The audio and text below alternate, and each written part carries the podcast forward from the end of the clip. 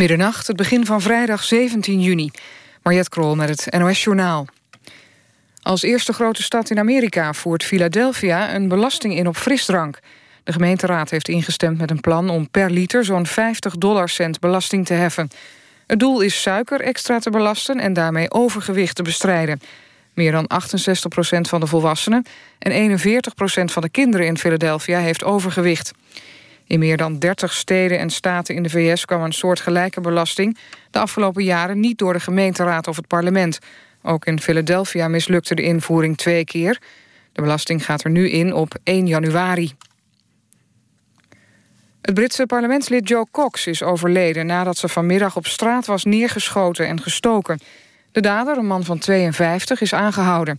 Volgens ooggetuigen riep hij voor hij Cox aanviel... Britain First... Dat is de naam van een extreemrechtse beweging die fel gekant is tegen het EU-lidmaatschap van Groot-Brittannië.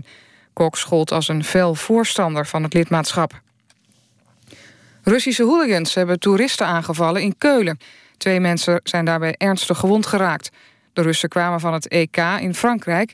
en zouden in Keulen op het, vliegveld naar, op het vliegtuig naar Moskou stappen. Ze zouden behoren tot een beruchte extreemrechtse knokploeg van supporters. De Duitse politie heeft zes mensen opgepakt. Een zevende hooligan wist weg te komen. En op het EK voetbal is Oekraïne het eerste land dat is uitgeschakeld. De ploeg verloor van Noord-Ierland met 2-0... en had ook al van Duitsland verloren met 2-0. In groep C speelden Duitsland en Polen vanavond gelijk. Het werd 0-0. In pool B won Engeland met 2-1 van Wales. De winnende goal werd in blessuretijd gemaakt. Het weer, vannacht blijft er kans op regen. De komende dag wisselend bewolkt, met vooral in het zuiden en oosten regen. In het westen wordt het in de middag droger en zonniger. De middagtemperatuur ligt tussen 18 en 21 graden. Dit was het NOS Journaal. NPO Radio 1. VPRO. Nooit meer slapen.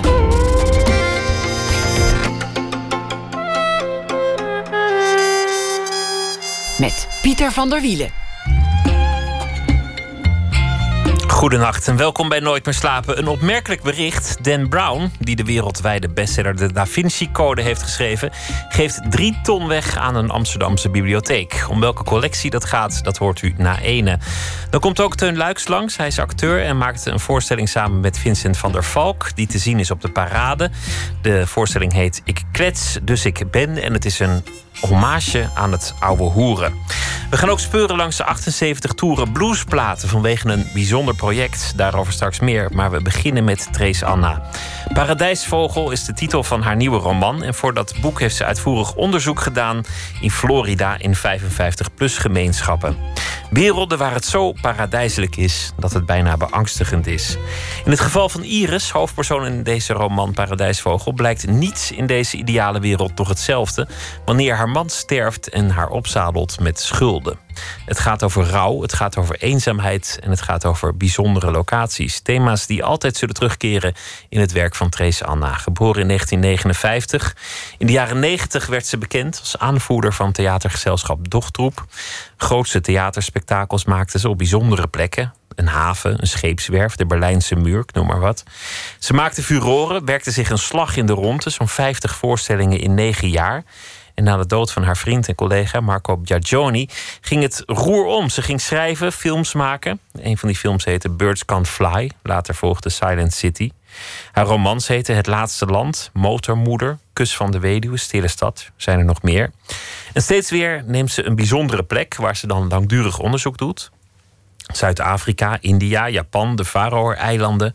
En steeds weer komt dat ene thema terug: de eenzaamheid. Trace Anna, welkom. Nou, lekker begin, die eenzaamheid. Ja, lekker begin. Ja, denk je eigenlijk dat je in essentie altijd alleen bent in het leven? Dat je alleen wordt geboren, alleen sterft en tussendoor in wezen ook alleen bent? Nee, dat denk ik niet. Maar misschien voel ik me wel alleen. Maar ik, ik, ik, ik, als ik denk aan. Nee, je bent in een wereld met heel veel mensen. Voor mij. Het is toch altijd een thema dat, dat wel terugkomt. Dat, dat is volgens mij echt zo. Ja, bij mij of bij iedereen bedoel bij je? jou, ja, bij, iedereen misschien, maar, maar, maar bij jou in het bijzonder. Ja, als ik denk aan theaterwerk kwam altijd terug um, de, de, de, de, de, de, grote tegen de kleine eigenlijk. Hè? De, de uh, um, soort, soort David Goliath-achtig iets. Het kwam vaak terug in, het, in de theatershows en de, in de romans. is het meer de eenzaamheid die terugkomt. Dat is waar. Is dat omdat het een mooie romans oplevert? Omdat je een personage mooi kunt neerzetten in, in contrast met een, met een wereld? Nee, ik ben gaan schrijven nadat Marco stierf. Wat uh, een grote switch was in mijn, in mijn werkend leven, in mijn carrière. En uh, iedereen die, die zijn partner is verloren van de ene seconde op de ander weet dat dat een heel. Uh, dat is heel groot. Dat is, dat, daarna voel je je vaak heel eenzaam. Nu voel ik me niet meer eenzaam, maar het is wel een. Het hoort wel bij de. Mijn, mijn, ja, de dingen die mij gevormd hebben. Het is deel van je bagage geworden. ja, het is een groot deel van mijn bagage. Ja. In de roman die je, die je liet inspireren op die gebeurtenis, stuurt iemand toen nog een fax. Het, was eind jaren negentig, dan stuurde je nog faxen. Dat, dat doet alleen de overheid nog, geloof ik. Ja, geloof het ook. En, en daarop stond een, een tekst en je zei: dat is de eerste tekst die mij echt kon troosten. En dat was: We zijn allemaal passanten. Sommigen reizen honderdduizend jaar met je mee en sommigen één seconde. Ja. Waarom troostte dat toen zo? Um, waarom troostte dat toen? Dat zegt dat je niet alleen bent.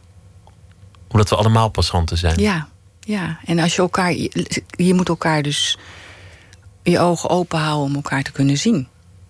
En dan zie je de passant. En dan mag je even mee met elkaar.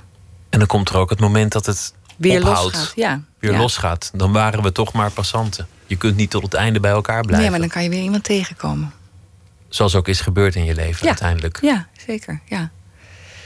Het was een scharnierpunt in je leven. Nu, nu hebben we het erover. Laten we het dan ook maar meteen erin Even afronden, hupsakee. Nou ja, het, het, het, was een scharnierpunt in je leven. Een ontzettend tragische gebeurtenis. Jullie maakten furoren. Jullie, jullie waren samen deel van, van die bende, Ja. dochtroep... die theatergeschiedenis aan het schrijven waren. Die alleen maar nadachten over nieuwe voorstellingen. Die zich een slag in de ronde werkten. Ja, Die, die ook nog samen leefden. Smoor verliefd op elkaar. ja. Voornemens het hele leven met elkaar door te brengen. Ja, En dan van de ene op de andere dag houdt Seconde. alles op. Een seconde, één telefoontje. ja, één telefoontje. Ja, dan houdt alles op, dan verandert alles. Dat is ook, daarom zei ik, dat is wel een hele grote inspiratiebron geworden. Eh, Een gebeurtenis die in jouw leven dan eenmaal heeft daar alles voor geweest. mij, het heeft alles veranderd. Het is, ik was daarvoor een, voelde ik me een eeuwig zondagskind en dat heeft, dat verdween toen. En eh, ik dacht dat alles makkelijk was en dat daarna werd het zwaarder. Ja, het was een, het werd van wit eh, zwart en nu is het alweer weer witter, veel witter en ik voel me absoluut gelukkig en Ehm, maar dat, ja wel, zeker. Het is een grote verandering geweest. Ik, weet je, ik denk wel eens dat ik zo naïef de wereld instapte. En daar ben ik groot geworden. Die naïviteit was ook je geluk. Dat was ook iets moois. Puur. Ja, Dat ja, was, een, ja. was een hemelse staat van zijn Ja, en achteraf. langzaam eh, eh, komt een stuk van die naïviteit weer terug. En dat vind ik fijn. Het was een kano-tochtje. Ze gingen met z'n tweeën kanoën. Wat er precies is gebeurd, daar is eigenlijk nooit iemand Nee. volgens mij achter gekomen. Nee, ja, nee. Ze zijn verdronken. Ze zijn verdronken, ja. Hoe, dat, hoe dat gaat, zal je nooit meer weten. Nee, een wilde rivier. En, eh, en verdronken, ja. En verdronken gaat snel. Kan snel gaan. Dat ging snel. Het was koud water, het was nul graden. Ze hebben niet lang moeten lijden, geloof ik. Hoop ik. Jij hebt moeten leren wat het is om weduwe te zijn, maar ook moeten leren wat het is om alleen te zijn toen. Als je altijd samen bent, altijd met mensen met wie je werkt. Ja, ik ben, van, ik, ben van een, ja, ja, ik ben van een bedrijf wat ik leidde... waarin we met een grote groep mensen de wereld overtrokken... en, en theater maakten. Ging ik in mijn eentje werken. En van altijd samen was ik dus altijd alleen. Van een relatie ging ik naar geen relatie. Van samen gelukkig weet ik weduwe. Ehm, maar ja, het was een, een, groot, ja, een groot switch. Een grote verandering. In, in dat boek zet je, het, zet je het eigenlijk heel direct neer. De, de relatie tussen alles wat je daarna bent gaan doen. Het schrijven, het maken van een film. Al die nieuwe projecten die je aanging. En die verandering, die dood, die rouw. Op de een of andere manier moest het een uit het ander voortkomen. Was, was het alsof daarna dat alles wat bij die liefde hoorde, het theater maken, voorstellingen maken, ook niet meer kon. Nee, ik had het, ik had het nog wel kunnen. Maar nee, ik had kunnen kiezen om wel door te gaan. Maar ik had jaren erover gedaan om dat team van Dochtroep uh, naar zo'n golden team te maken. We waren een golden team. We vlogen. We vlogen hoog.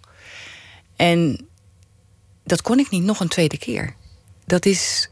Dan kom je in herhaling. Ik moet wel dat er moet een nieuw avontuur zijn. En met voorstelling moest ook altijd een nieuw avontuur zijn. En het had te maken met nieuwe locaties. Maar. En dus het werden films en het werden romans. En ik ben snel verveeld en snel op iets uitgekeken. Wat ik moet, in wat ik maak. Dus ik, die, ik, ik, wil altijd die berg omhoog klimmen. Iets zien achter de, achter de horizon. En dat is niet veranderd. Dus ik kon niet opnieuw theater maken. Maar je ging een project aan dat onmogelijk was. Naïef werd het ook wel genoemd. Ronduit ridicuul. Zou, zou ik gezegd hebben als ik je destijds was tegengekomen. Je wilde, namelijk, je wilde namelijk een film maken met een tamelijk ingewikkeld script. die ook nog in het buitenland gedraaid uh, moest worden.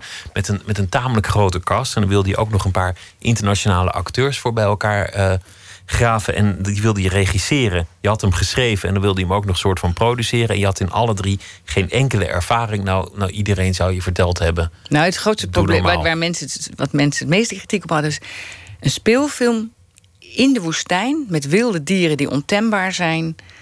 Um, en met kinderen zaten er ook in. En ik had een Hollywoodster erbij. Dus het was een, een mix van dingen die mensen zeiden. Ja, dat, dat kan helemaal niet als je first-time director bent. Want dan wordt het kind opgegeten door de leeuw en dan staat er een superster bij en dan heb je, heb je problemen. Um, in Zand een film maken is heel erg moeilijk, omdat alles daar last van heeft. Alle machinerieën en uh, um, kinderen zijn lastig op een set.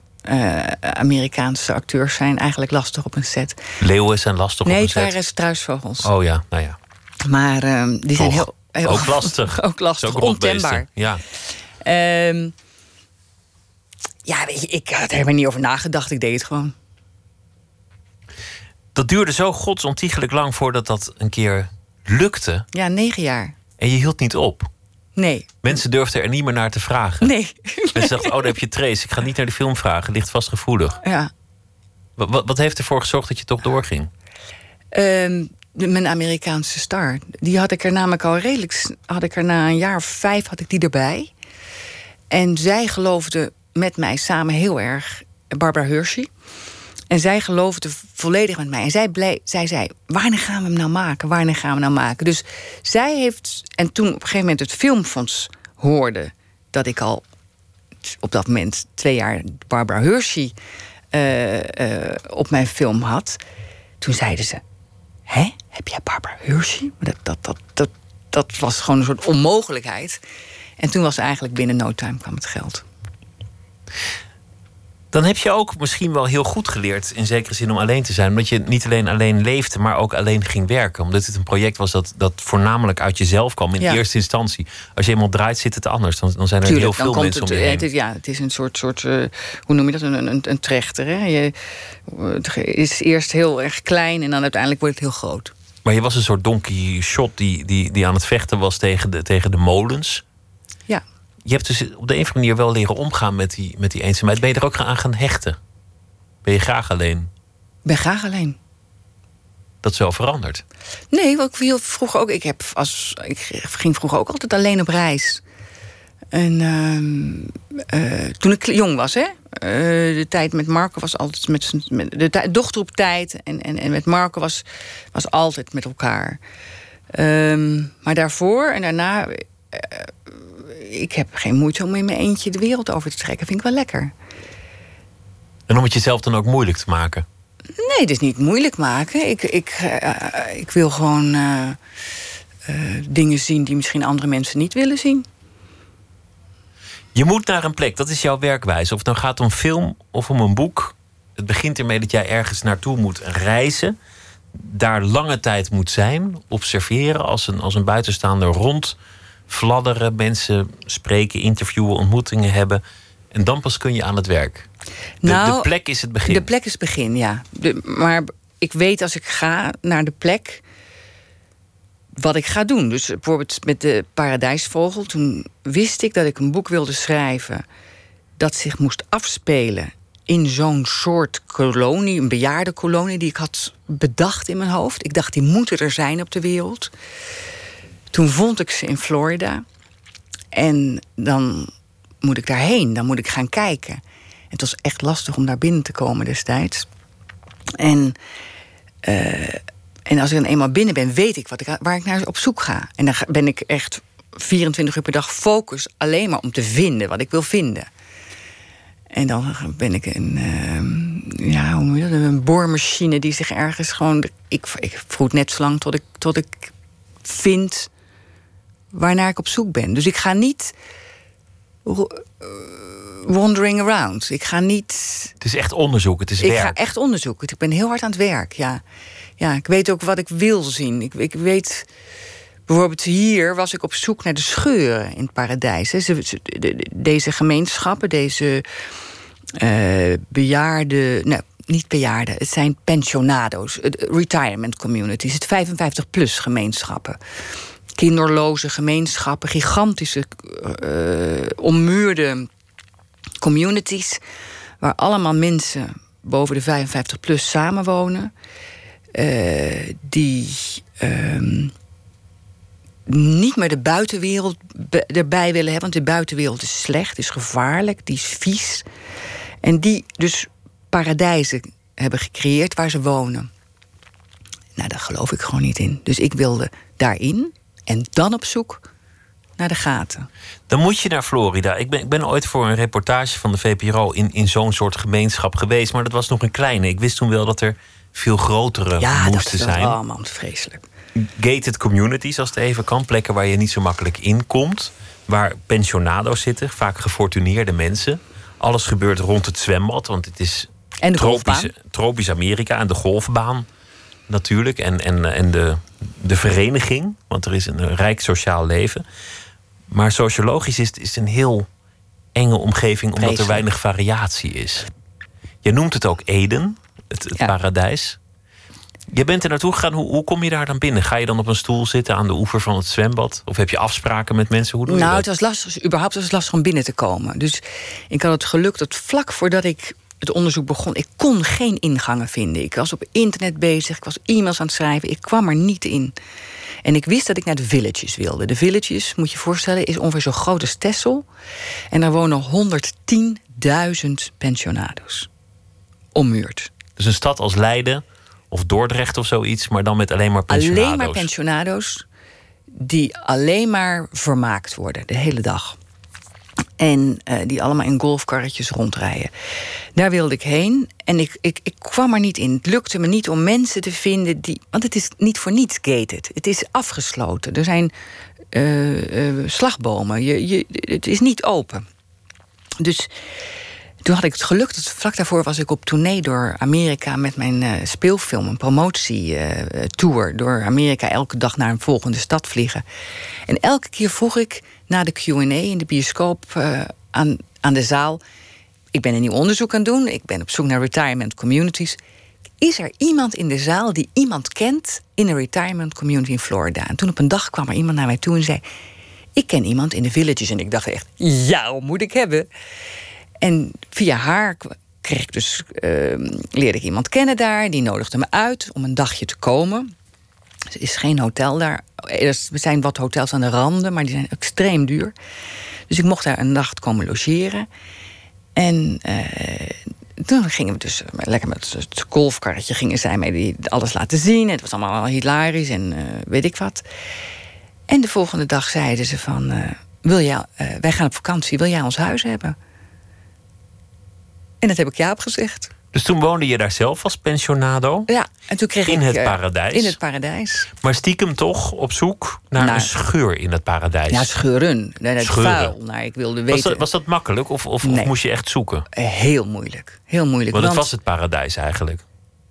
Het is het paradijs. Zij, zij ervaren het als het paradijs. Ik heb ongelooflijk veel mensen gesproken. En begin natuurlijk altijd met een. een, je gaat er langzaam heen. Maar ik ging altijd op zoek naar wat eronder zat. Deze mensen kiezen daarvoor en zijn werkelijk heel gelukkig. Jaar in, jaar uit. Met de hele dag 20, nee, 2000 verschillende activiteiten per week waaruit ze kunnen kiezen. Ze worden vermaakt van 9 tot 5, elke dag. En um, het, het, duurde lang voor ik het vond, maar op een gegeven moment vond ik de scheuren. Ze zijn er natuurlijk, ze zijn er.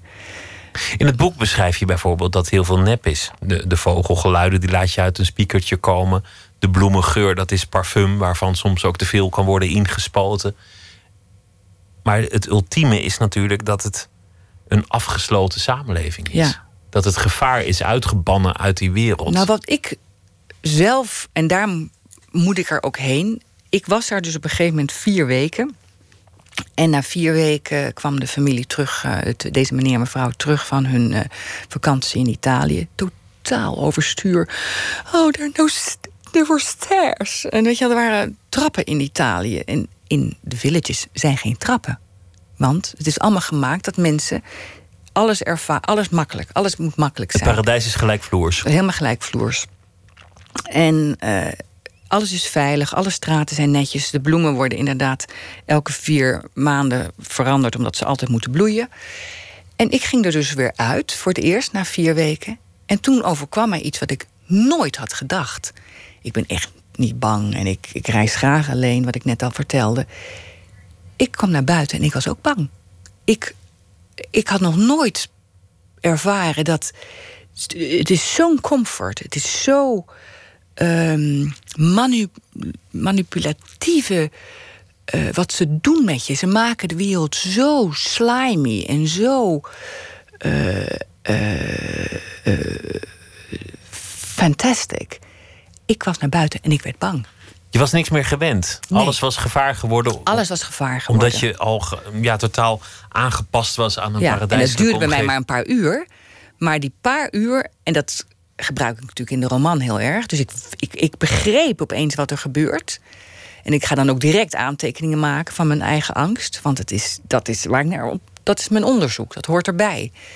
Maar het was een hele bijzondere ervaring. Wat mij ook zo angstig lijkt, is dat het voor een deel gekocht is met je welvaart. Als de welvaart ophoudt, zoals jouw romanpersonage, dan is de vriendschap ook voorbij. Ja. Dan, dan is jouw plek in de samenleving ook Weg. over. Je mag deel uitmaken van de ideale wereld zolang het afschrijven van je rekening lukt. En als de afschrijving een paar keer eh, storno niet wordt geïncasseerd. Nee, lig je dan, eruit. Dan zijn je burgerrechten daarmee ook verlopen. En de ontkenning van het evidente, namelijk dat ze allemaal bejaard zijn. Of eh, nou ja, 55 plus of hoe je het ook noemt. Maar iedereen doet alsof die Jong is. 23 jong, Ja. sexy, sportief. En dat doen ze zelfs met de bouw. is. Ik heb op een gegeven moment een architect gesproken die dus dit soort uh, gated communities bouwt. Die worden gebouwd voor mensen die 30, 40 zijn. Dat is natuurlijk voor, voor 55 plus of 60 plus. Dat betekent dat er voor het ijssalons zijn. Terwijl mensen van die leeftijd helemaal niet zoveel ijsjes eten. Maar er worden overal ijssalons neergezet. Um, dat geeft het gevoel van jong zijn. Dat er bijvoorbeeld geen trappen zijn. Dat heb je niet door. Pas als het. En zo zit het helemaal. Het is, alles is uitgedacht. Is dat typerend voor, voor de generatie die nu langzaam een dagje ouder wordt? Ja, de, de generatie van Forever Young. Dat Ja. was een soort, soort wens die je elkaar toeriep. Ja, ik, Decennia lang. Is, is, is dat waar, waar het naartoe gaat? De ontkenning van het evidente, namelijk dat je allemaal ja, ik denk dat wel. oud bent. Ja, ja zelfs een, een hele goede vriendin van mij zei pas... zal ik toch ook niet uh, mijn lippen een klein spuitje geven? Ik dacht, jij? Hè? Uh, ja, ik denk dat, we, dat het... We worden, we worden geduwd. We worden geduwd in een richting. We willen jong blijven.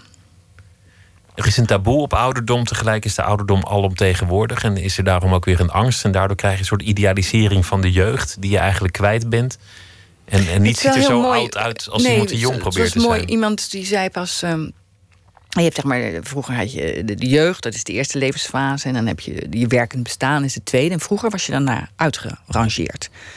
Dan, dan telde je gewoon niet meer mee. Maar nu is er werkelijk een volwaardige derde levensfase... waarin mensen ten eerste nog gezond zijn. Dus er is een heel nieuw stuk aan het aankomen. En daarin willen mensen weer jong zijn. Dan, valt de verantwoordelijkheid weg. Hun banen, ze hebben in principe hopen ze genoeg geld te hebben om het uit te kunnen zingen. Met hun pensioenen en whatever. Moet allemaal nog maar blijken of het gaat lukken. Maar er is een hele grote generatie, die er nu al is en die eraan komt, die dus een, een bijna 30 jaar zich kan gaan vermaken. En die gaan dus allemaal met campers door Europa of naar Marokko. Uh, die, gaan, die willen alles. Die, die, die willen gaan, gaan leven. Die gaan we allemaal tegenkomen, deze mensen. Nou ja, geef ze ze ongelijk. De dood kwam er ook weer in voor. De, de hoofdpersoon die verliest haar man. Dat, dat is uh, het vertrekpunt, 1, vertrekpunt van, van, van het hele boek. De, de, de, de rouw, die is er toch weer ingeslopen waarschijnlijk heeft het toch ook weer met jezelf te maken. Als je het eenmaal hebt meegemaakt, als het eenmaal deel is van je, van je leven, dan, dan blijft het toch ook iets wat makkelijk in je verhaal sluit. Ja, grappig was dat ik, of grappig, maar ik probeerde een, een, toen ik het had bedacht, dacht ik dat het een veel langer proces zou zijn. Dat die man, dat dat afscheid veel langer zou duren. Dat ze veel langer bij elkaar nog zouden zijn. Maar toen ik ging schrijven, werd dat eerste hoofdstuk steeds korter en korter en korter en korter. En dacht ik, nee, je moet gewoon direct, daar moet beginnen. Ze sloeg een vlieg dood en toen lagen er twee dode wezens op het kussen. Zo, zo snel ging het uiteindelijk. Je was heel hecht met uh, T. Lau. En je hebt ook een bijzonder project met hem gedaan in zijn laatste levensfase. Dit was iemand die ehm, afscheid heeft kunnen nemen publiekelijk. En dat ook op een waardige manier heeft gedaan. Wat was uiteindelijk jullie, jullie werk? Hoe zou je dat, omschrijven, wat, wat jullie samen hebben gemaakt? Ja, had natuurlijk een. Uh, toen hij hoorde dat hij kanker had. Eh, wat voor hem en zijn familie en voor iedereen, alle vrienden, natuurlijk een ongelooflijke schok was. Heeft hij zijn schok vertaald in een muziekstuk. En plaats naar blues. En bijna, hoe noem je dat, uh, fanatisch heeft hij daaraan gewerkt. Hij heeft zijn, tijdens de, de, de chemo en tijdens het ziek zijn... heeft hij die angst om te sterven... heeft hij vertaald in dat stuk muziek. En, ehm, en toen het af was... toen, was het, hè, toen wist men nog niet dat hij ziek was. Dat was nog, toen nog niet bekend... En uh, toen zeiden, ja, weet je, wie wil er nog mijn muziek horen? En er moet een film bij. Als we nou een film doen, kan tenminste op YouTube... en dan kijken ze tenminste, want het was de laatste jaren. Maar luisterden mensen... Ik weet dat hij boos was vaak op de radio... dat ze zijn muziek niet meer draaiden. En... Uh, dus het was daaruit voortgekomen. En toen had ik een plan gemaakt. Ik zei, nou, jij hebt een stuk geschreven... wat het waren geloof ik zes of zeven nummers. Maar hij, het was een eenheid. Hè? De Platinum Blues was één verhaal. Over een man die, die, die, die een nachtmerrie eigenlijk in het ziekenhuis... een nacht van de chemo meemaakte. Ik zei, ik zorg, het moet één shot zijn. En een, we gaan die droom maken als één shot... zodat jouw muziek nog meer een eenheid wordt. En ik wist helemaal niet tot de dag voor we gingen draaien of T überhaupt mee zou kon doen. Zo ziek was hij? Ja, ja, het was echt. En dus ik heb dus uiteindelijk in de, in de film heb ik drie mensen, waaronder T, die de man spelen. het is één shot en, en ik begin met een oude dochterper die, die acteur is en die, die, die zeg maar het begin van de, van de man is. En dan steeds dieper gaan we in die muziek en steeds dieper in die nachtmerrie en in die droom. En dan op een paar hele mooie punten waar Thee niet hoeft te lopen. Hij zit eigenlijk op een stoel. Hij hoeft heel weinig te doen. Hij hoeft alleen maar een glas wijn te drinken en een sigaret te roken. Dat vond hij toch fijn. Um, zit hij er zelf in. Maar ik wist ook tot, eigenlijk tot de avond. ik had een reservespeler staan. We wisten het niet. Bijzonder. Ik zit, ik zit me even af te vragen, na, na al die verhalen door elkaar, wat nou eigenlijk beter is. Een afscheid kunnen nemen, zoals T. Lau, maar, maar wel een ontzettende nare aftakeling doormaken.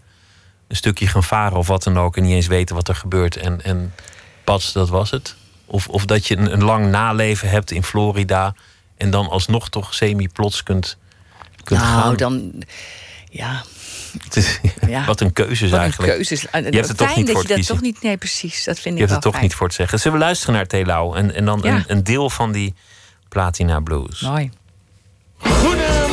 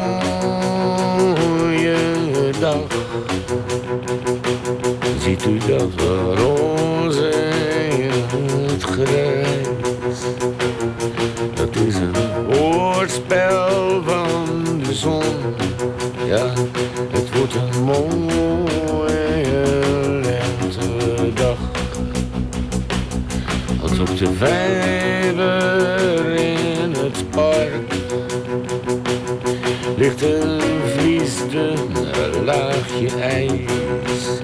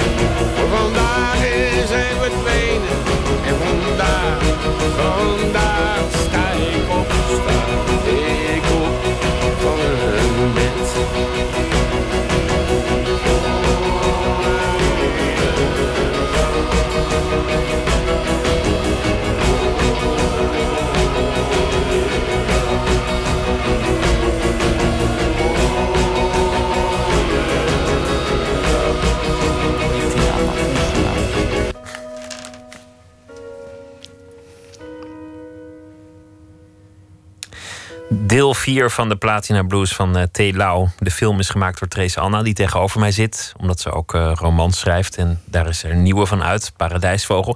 En op YouTube is de hele film te bekijken. Alle delen van, eh, van T. Lau, zijn, zijn requiem. En het is zeer de moeite waard. Laten we het ook even be- hebben over gewoon een beetje de, de, vrolijke alledaagse dingen. Want we hebben toch ook wel over dood en eenzaamheid en Oh oud worden gehad. En, Heerlijk. en, eh, en dan gaan we het ook hebben over de nonnen. Want je, jij, je hebt Ah. nog echt ouderwets bij de nonnen op school mogen zitten. Ja. Kreeg je wel eens een tik? Nou ja, ik zit, ik, heb mijn, ik zit nu met een gebroken schouder. Dat is een leuk voorbeeld. Ehm, ik heb mijn schouder gebroken en ik, van mijn linkerarm. En ik schrijf links. En gisteren moest ik signeren. En de nonnen sloegen mij. Nou ja, sloegen met de bordenwisser. Kreeg ik, eh, werd naar mij toegegooid en het liefst naar mijn hoofd. ik moest rechts schrijven. Dus ik kon gisteren bij het signeren... Kan ik, het is wel heel kinderlijk en heel erg ouderwets handschrift... maar ik kan mijn nonnenhandschrift met mijn rechterhand nog steeds schrijven. Want je bent uitgegleden bij een bezoek aan het zeehondenbassin. Ja, Omdat het daar nou, nou, eenmaal daar was ik aan glad het is. helpen even. Oh, je, je, je, je doet er vrijwilligerswerk. Ja. En toen, eh, nou ja, een klein, kleine slip en daar zit je. En dan zit je, ja, zes weken. Gadsamme, maar je hebt pijnstillers toch? Ja, ik heb heel veel pijnstillers vanavond op. Maar linkshandigheid is lange tijd ontkend. En eh, nou ja, dingen ontkennen, dat doe je meestal gewoon door erop te slaan. Ja, ja de nonnen waren niet aardig. Dan ben je wel echt de laatste generatie geweest, waarschijnlijk, die, die nog de nonnen Nou, voor dat, de klas dat had. zat ik te denken van de week. Ik dacht, ik heb drie broers en die zijn, ik heb er twee die jonger zijn en ik heb er eentje die ouder is. En we zijn heel dicht bij elkaar. Vier jaar eh, in vier jaar had mijn moeder vier kinderen met een tweeling. En ik denk dat mijn oudste broer en ik aan de ene kant staan en mijn jongere broertjes, die maar anderhalf jaar jonger zijn, eh, hebben net. Weet je, ik herinner me nog eh, de schillenboer met een paard. Ik denk dat zij dat niet herinneren. Ik had een nonne die nog in haar bijt waren. En, en in de vijfde klas, toen nog, wat is dat, groep zeven. ging- hadden ze opeens, gingen, gingen ze jurken dragen en kregen ze benen en haren. Dus ik heb heel erg het gevoel dat ik in die, eh, in die switchende tijd heb gezeten. Dat zal ook wel kloppen als je van, van 59 Ja. bent. Dan heb je het veranderende Nederland Ja. meegemaakt. En dat is, vind ik heel erg leuk. En dat gebruik ik ook vaak in, in herinneringen of in, in, in... Ik doe het in deze roman trouwens ook. Zit ook de nonnen weer in.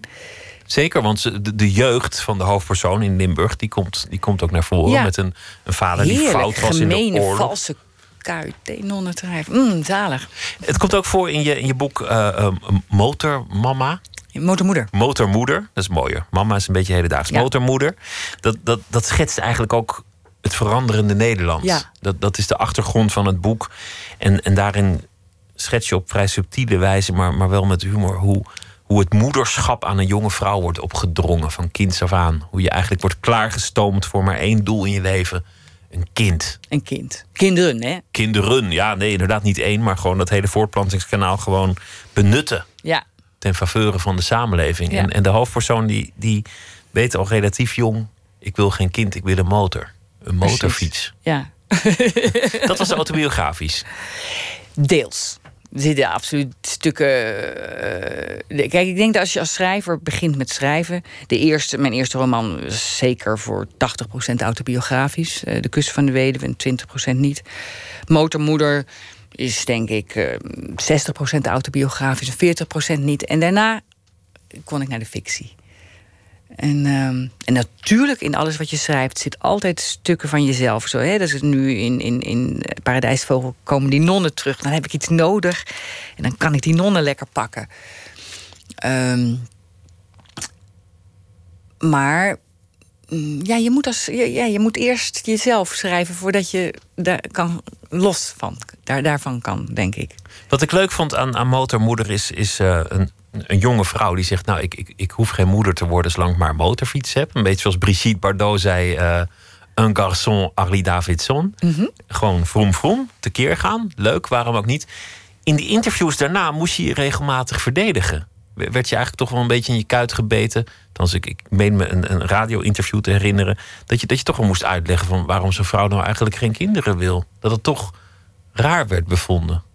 Ja, nu niet meer trouwens. Nu, nu is het tijd volgens mij. Nu wordt het me nog zelden gevraagd. Ehm, ja, dat werd raar gevonden. Ja, ja, kan zo zijn, denk ik dan. Ja, moeten zij weten. Kan er niet meer zitten.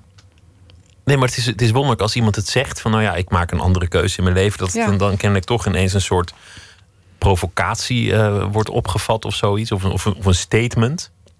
Terwijl demografisch heel veel vrouwen het doen. Want het geboortecijfer keldert al, Ja. al eeuwen. Ja, ja. Mensen stemmen met de voeten. Maar ik deed het natuurlijk wel heel uitgesproken. En ik. ehm, in dat boek zeker. Hè, dan is het, eh, het, het- het- ik steek er ook wel de draak mee daar. Ehm, ja, ja. Ja. Ik kan er niet zo. Ik, ik, ik, het is. ehm, Het zal wel. het zal wel. Ja, Het zal wel. Het zal Vooruit. wel. Je groeide op in Vlaardingen en je keek uit over, over, over de haven. Als je, als je ochtends je gordijnen opendeed en een nieuwe dag begroette. Maar ik werd geboren met uitzicht op de haven in de verte.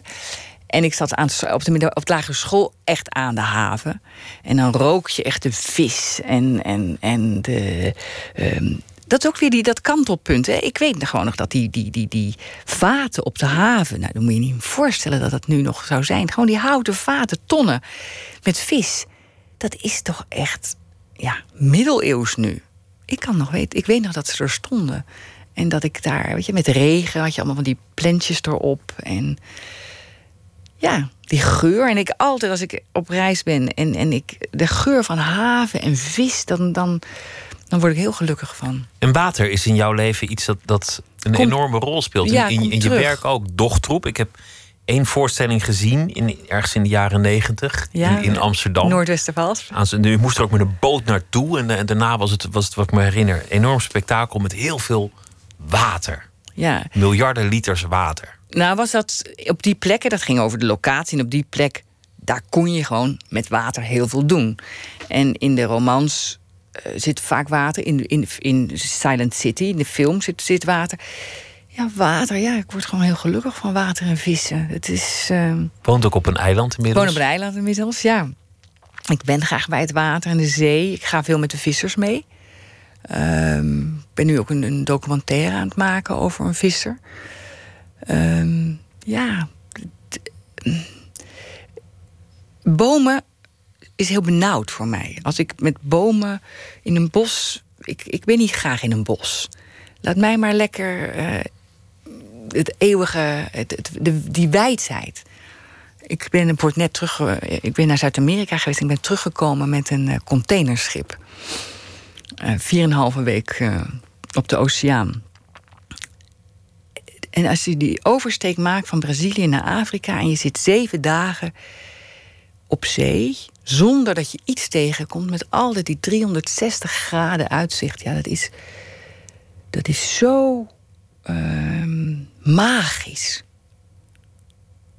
Je vindt bos benauwend. In, in je nieuwe boek laat je eh, het hoofdpersoon ook uiteindelijk een tijd leven in het bos. Die, die wordt het bos ingezogen. Ja, dat oh, is ook een, interessant dat je dat zegt. ook een beetje een ja, duistere fase in het Ja. leven. Dat is iets, iets waar ze helemaal niet naartoe wil. Die wil dat bos niet in. Maar het water, dat boezemt ook weer angst in. De angst dat mensen verdrinken. De angst dat mensen onderblijven. Water is natuurlijk ook niet een, een natuurlijke vriend van de mens. We hebben het nodig, maar we, we kunnen er ook niet echt in leven, want dan, dan verzuipen we. Nee, maar bij haar ga bij, in het nieuwe roman eh, p- probeer ik wel, zeg maar, eerst is dat water de, de eh, helend en haar vriend. En langzaam wordt het een vijand. Je schreef een boek over een, een, een jonge vrouw die zich probeert te redden als kok in een visrestaurant, die het vak wil leren in Japan en die, die daar vereenzaamt, die geen aansluiting vindt, die met niemand kan praten. Iets dat je ook in een, in een kortere duur zelf hebt meegemaakt toen je daar bivakkeerde en, en gewoon. Ik heb er gewoond. Ik heb een jaar in Tokio gewoond. Ja, een, nou ja, korte duur, noem het korte duur trouwens, een jaar. Ja, ja En- en was daar ook pittig voor- eenzaam.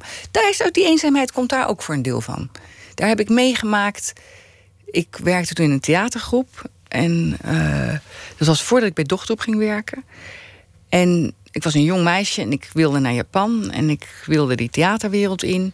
En ik kwam er in een theatergroep te werken waar niemand Engels sprak. Behalve als ze dronken waren. En dus ik heb daar gewoon een jaar ehm, met mijn paar woorden Japans eh, me, me, me, me, me overleefd. Moeten redden. Moeten redden. Zonder internet. Want nu is het allemaal anders. Nu kan je lekker eventjes... Het is allemaal veel sneller en veel makkelijker. Maar ik schreef brieven. De hoofdpersoon komt op een zeker ogenblik. Nou, die stort zich helemaal op de vis, want die, die wil het vak leren. En dat, dat gaat ook niet zonder slag of stoot. En komt dan tot zeer grote vreugde een groep, ik geloof, Finnen tegen. En die blijken dan alleen maar Fins te spreken. Ben je Ja. nog nergens? Denk je Ja. bevrijd te zijn van het Japans? Kom je dat weer tegen? Het leven is tragisch. En dat is beeldend, vond ik beeldend mooi in die film. Dus het, wat, wat mooi is, dat je heel tijd met, met hè, de, de, de Aziatische gezichten... en daar zit ze tussen en dan denk je... ik moet een blank, een blank iemand zien, een wit blond haar. Ja, wat is natuurlijk mooier dan, dan vinden we. Dit zijn blonde mensen. En die spreken dan natuurlijk geen Engels. Dat was natuurlijk een ja, metafoor voor, voor iets. Ik weet dat ik destijds, toen ik daar alleen door dat Tokio ging... er waren werkelijk... Ik heb zelden buitenlanders gezien in die tijd. Niemand sprak Engels. En het is een soort dat je, ja. Ja ik, ik heb het niet on, eh, ik, ik, had graag een Vin tegengekomen toen. Je was eenzaam daar. Ja, was best wel eenzaam. Ja. Op het laatst verandert het perso- personage min of meer zelf in een vis. Die begint als het ware bellen te blazen. Die, die, die weet niet eens meer of ze nog een, een landdier is of niet.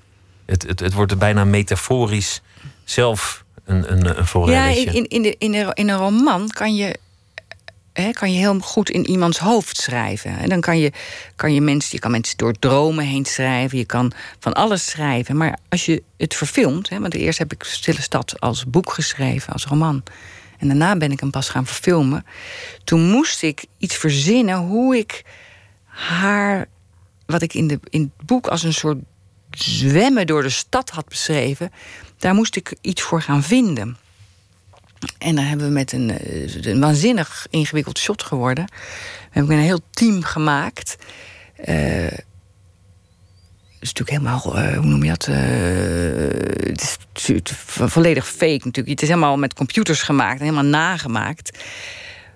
Maar je, je, ja, ik, ik, ik zocht een shot om een gevoel wat je in een boek kan schrijven neer te schrijven. Want het gekke natuurlijk met film, het verschil tussen film en boeken is, als je in een boek schrijft, ik, ga, ik vaar de haven uit, er komt onweer, het schip, onweer, het schip zinkt. Dan heb je ineens in 32 draaidagen neergezet. Precies, en 32 en 200 miljoen. fi- figuranten en voor, voor een miljard aan stuntmannen. Ja, daar moet je nog best op letten, ja. Ja, dus dat is altijd een beetje ingewikkeld als je speelfilms maakt. En zeker met metaforische dingen. Zij werd als het ware een vis, ja. Zij werd een vis, ja. Doe dat, doe dat maar eens ja. in, in beeld. De locatie is altijd belangrijk. Dat was bij Dochtroep zo. Jullie namen een bijzondere plek en jullie begonnen vanuit die plek te denken. Het ging niet om het personage, het script, maar de, de plek, Plek. stond centraal. Daar Ja. moet je naartoe. De Berlijnse muur, de, de, de Amsterdamse werven, Carré. eh, Carré eh, nou ja, noem maar op. Alle, alle plekken waar jullie zijn, zijn geweest. Ehm, in jouw boek is dat ook zo. Ga op pad, niet thuis blijven, maar ga ergens naartoe. Naar India, ga naar, naar nou ja, de, de Nou ja, Faroe-eilanden, zei, Florida. ik- ik- als ik ga, dan bijvoorbeeld de Vareur, dat, hè, dat heb ik eh, daar ben ik onderzoek gaan doen voor het laatste land. Daar had ik een idee van een, een eiland. Of, ik dacht eerst één eiland, wat moest zijn in een kou. Ik had net een roman geschreven, Wacht op de moezon. Daar was het heet en, en, en warm. Dus ik wilde een boek schrijven waar het koud en nat was. Daar begon ik mee.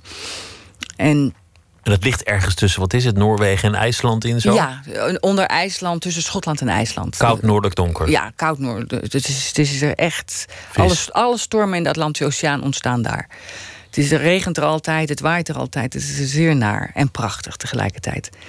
En dus ging ik daarheen, maar ik ga dan ook daarheen. Ik weet dan wat ik weer, wat ik net ook zei over Florida. Ik weet dan wat ik moet onderzoeken. En daar, daar, daar, dat ga ik doen. Ik ga erheen en ik ga alleen maar. Dus ik heb daar destijds een maand in de winter gewoond en een maand in de zomer. En ben dan alleen maar op zoek naar dat wat ik wil, wil vinden. Leef je volledig op intuïtie? Is dat hoe je beslissingen neemt? Ja, volledig. Dus je denkt niet na over, over wat de achtergrond van het plan is. Je onderzoekt het niet eens, maar het is gewoon... het gevoel is daar of de gedachte is daar gaan. Nou, ik heb ideeën. Ik, ik heb ideeën. Ik, ik, ik heb een, een doel. Ik weet, daar wil ik heen. Maar hoe ik bij dat doel kom, volg ik. Dat, dat, dat, dat gaat eh, vloeiend.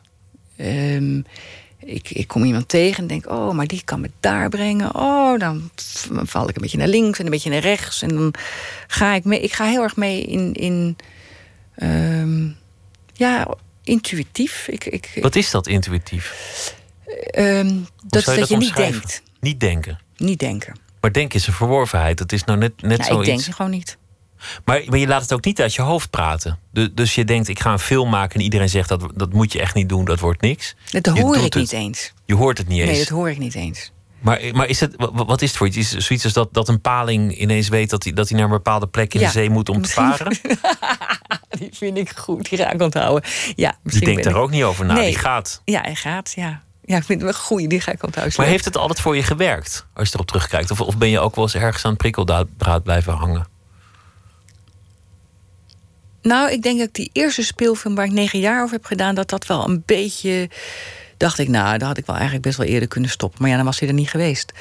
Ehm, daar was ik wel heel eh, standvastig. Ehm, meestal rolt het gewoon. Ik wil iets en dan blijf ik net zo. Ik ga net zo lang proberen. Een beetje naar links en een beetje naar rechts en naar boven en naar beneden. Ik ga, eh, tot ik erin zit. Je kent geen vrees. Niet echt. Je begon als handvaardigheidsdocent, althans de, de opleiding Ja. daartoe. Ja, dan denk ik Min of nooit, meer. nooit, nooit gedaan. Langs toeval kwam je terecht in die, in die theaterwereld. Ja, Want het was puur eigenlijk ook toeval. Puur toeval, maar ook omdat je je intuïtie volgde. Omdat dat je nou, bepaalde weet je, er was iemand, eh, ik zat op het Rietveld en, en, en mijn klasgenoot zei van... eh, ah, ik zei, ik heb ook werk in de zomer. Ik werkte toen eh, bij Stichting Creatieve Recreatie. Dat heet nu Buitenkunst. En we zaten elkaar een beetje af te bitten van wie het beste zomerbaantje had. Ze zei, nou, ik werk bij dochtergroep. Oh, nou, leuk. En dat was het. Dus ik ging zo, kwam ik bij dochtergroep. Toen, toen werd het schrijven, film maken. Nou ja, dat, dat doe je nu al een flinke tijd. ja, Reizen is heel belangrijk in je leven. ja. Waarom eigenlijk? Wil je graag weg zijn? Is het is het, is het, het ja, ontdekken na van een de tijdje wereld? verveel je je altijd weer. En dan moet je weer even wat van de wereld zien. Je doet aan verveling. Ehm, dan begint mijn bloed een beetje te prikkelen. Dan moet ik weg. Dan word ik onrustig. Liefst alleen of, of met de geliefde? Liefst alleen. Liefst alleen. Dan laat je de geliefde achter en dan zeg je: Ik, ik ben even weg met die, Nou met ja. die brommer. En, eh, ja. Nou, ik ben nu naar Zuid-Amerika met z'n tweeën geweest. Maar ehm, meestal is het alleen. Maar ja, ik moest ook terug alleen met het schip. Ik, eh, er gebeurt meer als je alleen bent. Als je met z'n tweeën reist, dan gebeurt er niet zoveel. Want dan ben je met z'n tweeën. Terwijl als je alleen reist, dan zie je meer, je hoort meer, je ruikt meer, je voelt meer, er gebeurt meer. Ja, als je, je wil dingen denk ik delen. Dat, dat, is, dat is dan met z'n tweeën. Dat je, dat je dan zegt: Oh, mooi hè, of bijzonder. Aan de Ja, maar kan je toch als, opschrijven? als je alleen bent, dan, dan, dan ben je niet de hele tijd naar die ander aan het kijken. Dus dan, dan, dan staan je zintuigen wat meer open. Veel meer open. Ja, je bent ook veel, je bent veel meer open. Want je, alleen zijn is niet fijn. Dus je, dan, dan maak je veel meer contact. En mensen maken makkelijker contact met jou. En ehm, eh, je komt veel meer binnen bij mensen. Je, als je met z'n tweeën bent, is het moeilijk om ergens binnen te komen. Terwijl als je alleen bent, gaan alle deuren open. Dat is echt reizen. Ja, dat is echt reizen. In die eh, community die je beschrijft, is, is nou ja, het volgende station in het leven, de dood, uitgebannen. Er is geen begraafplaats. Ja, ja dat, was, dat viel mij op. Dus hè, in, in, in, in mijn roman is het ook niet, is er buiten. Maar in, in Florida viel mij op dat bij die communities die er waren, daar hoort de dood, was er niet. Letterlijk. Als mensen te oud waren, te ziek, dan gingen ze of terug naar hun kinderen, of ze, ze veden oud. En ehm, Want ze willen daar niet geconfronteerd worden met grafstenen, bloemen. nee, eh, nee, het, nee ze moet niet. weg. Het moet weg. terug naar Chicago, terug Ja. naar Beverly Hills, Ja. waar, waar je ook vandaan komt. Ja, dat hoort er niet bij. Naar, hè?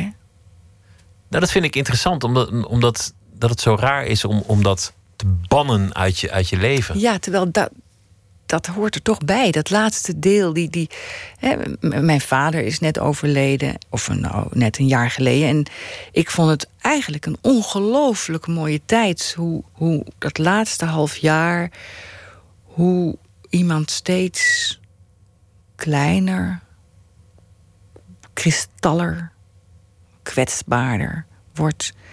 Heel langzaam zo naar die dood toe gaat. Ja, ik vond het heel mooi om daar bij te mogen zijn. En ehm, Je noemde jezelf voor het ongeluk, het ongeluk van, van, van, van Marco in 1998, noemde je jezelf blij naïef. Het was een gelukzalige staat van naïviteit. ja, ja. Dat is je afgenomen. Je zou ook kunnen zeggen dat het, dat het, dat het een rijkdom is. Dat, dat hoewel je de wrange kant hebt ja, maar moeten het, leren ik, kennen. ik, ik- het voelt ook als een rijkdom. Ik had. eh, ik heb ooit een keer gezegd: de dood van Marco is mijn grootste cadeau geweest. Dat vind ik ook. Terwijl het de naarste gebeurtenis in je Absoluut. leven was. Maar het is ook het grootste cadeau. Het allernaarste wat je kon gebeuren, maar daarna openden zich wegen. Die anders... Grote wegen. Ik, ik, ik, ik weet dat ik 15 was. En dat ik eh, voor het eerst ontdekt dat andere mensen konden denken. Ik had helemaal niet door. Ik dacht, oh, oh. Oh ja, die andere mensen hebben ook hoofden waar wat in gebeurt. Snap je? Dat, ik had dat helemaal niet door. Ik was gewoon lekker in mijn eigen wereld. Nou, zo was de dood eigenlijk ook. De dood van Mark was ook zo'n moment. Dat, dat is zo'n keerpunt dat de wereld groter wordt. Dat besef van sterfelijkheid, is, is dat iets dat je met je meedraagt? Is dat waarom, waarom je nu leeft zoals je leeft? Veel op reis, veel weg, Nee, veel ook, projecten? hoor. Ehm, dat, dat is niet veranderd. Nee, dat is niet veranderd. Ehm, wat wel is, denk ik, dat ehm, ik niet wacht. Ik ga niet, als ik een plan in mijn hoofd krijg, ga ik niet wachten. Want morgen kan ik dood zijn. En wat wil je dan uit dat bestaan gehaald hebben? Heb je, heb je daar een, een, een visie op van, van, nee, van wat weet er je moet wat nou zo gebeuren? fijn is? Ik, ik heb de roman is nu klaar en ik kan echt tot zeg maar tot een maand geleden, toen ik nog de laatste dingen eraan deed, dan kan ik zo zenuwachtig zijn. Denk, oh, als ik nou maar niet nu doodga, want het is nog niet klaar. Dat, oh, dat is echt wel een ding wat ik dan, dan. Of met een film ook, dan ben je zo hard aan het werk. Ik denk, ik moet nu niet sterven. Nu niet, nog even wachten. Ik moet eerst dat afmaken. Dat is wel leuk, er zit ook levenslust aan vast. En, en dan glij je uit en dan lig je tussen de zeehonden. Ja. Dat, zijn, dat, zijn, roofdieren. Ja, het zijn de, gr- de grijze zeehond is het grootste Nederlandse roofdier. Ik Ja. denk niet dat hij je aanvalt, maar toch. Nou, ze, misschien bijten ze, ja, ja. Nee. Nou ja, tuurlijk kunnen ze bijten. Het, zijn, het is echt een heel groot beest. Er kwamen ook toen ik daar op de, bodem lag, kwamen direct een stel mensen van Ecomare met bezems om die beesten van me af te houden. Ja, ik kon niet meer opstaan. Ik had te veel pijn. Ik ben er met de brancard uitgetakeld. Vreselijk. Tragisch ongeval. Nou, neem, neem nog lekker wat pijnstillers. Het was, het was me genoegen om je hier eh, te gast te hebben. Dankjewel. Het boek heet Paradijsvogel. Trace Anna, dank je wel. Alsjeblieft. We gaan luisteren naar eh, Anthony Haggerty, die tegenwoordig Anoni heet. En het nummer dat we gaan luisteren, dat heet Black Peter. En dat is een eh, oorspronkelijk liedje van The Grateful Dead. Dat op een box staat. Day of the Dead van allemaal artiesten van nu die iets doen van The Grateful Dead. Black Peter. One of my friends came to see me last night. I was laying in my bed crying. Said the tragedy of your life is that you don't enjoy living. Just in the wind came calling at my door. I was swept into shadow.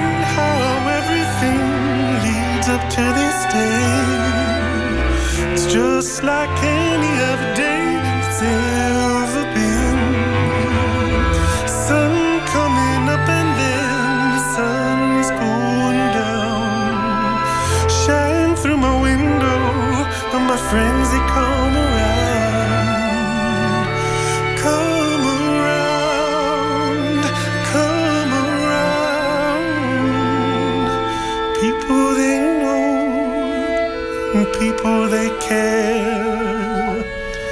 I don't know how to live. Take a look at poor Peter, he's lying in pain. Let's try to set her free.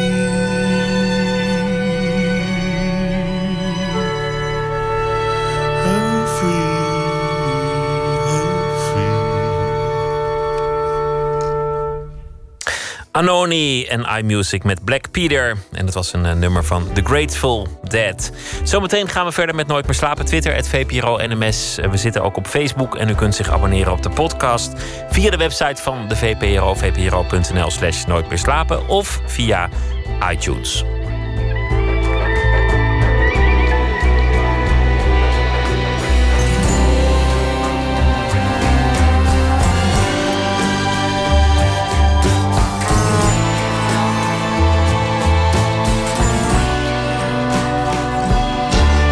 Radio 1, het nieuws van alle kanten.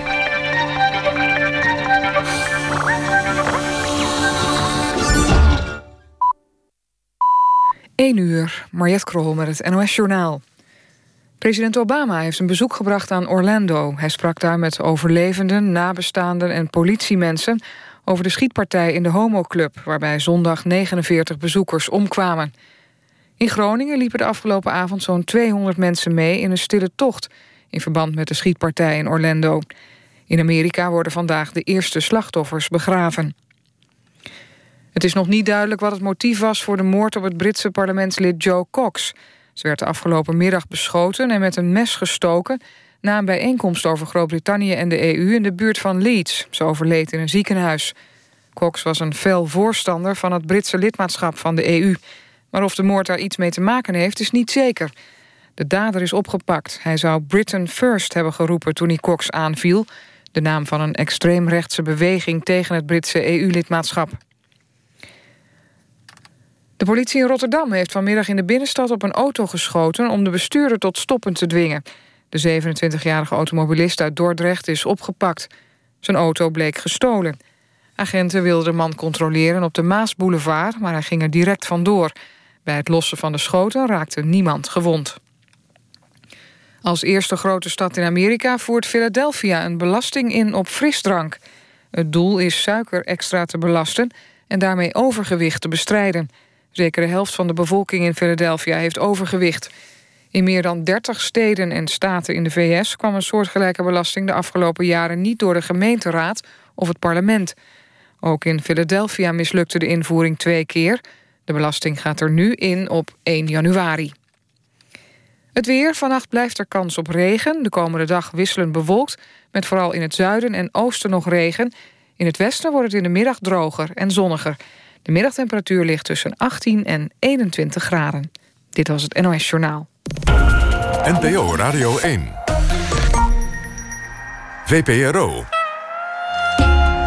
Nooit meer slapen.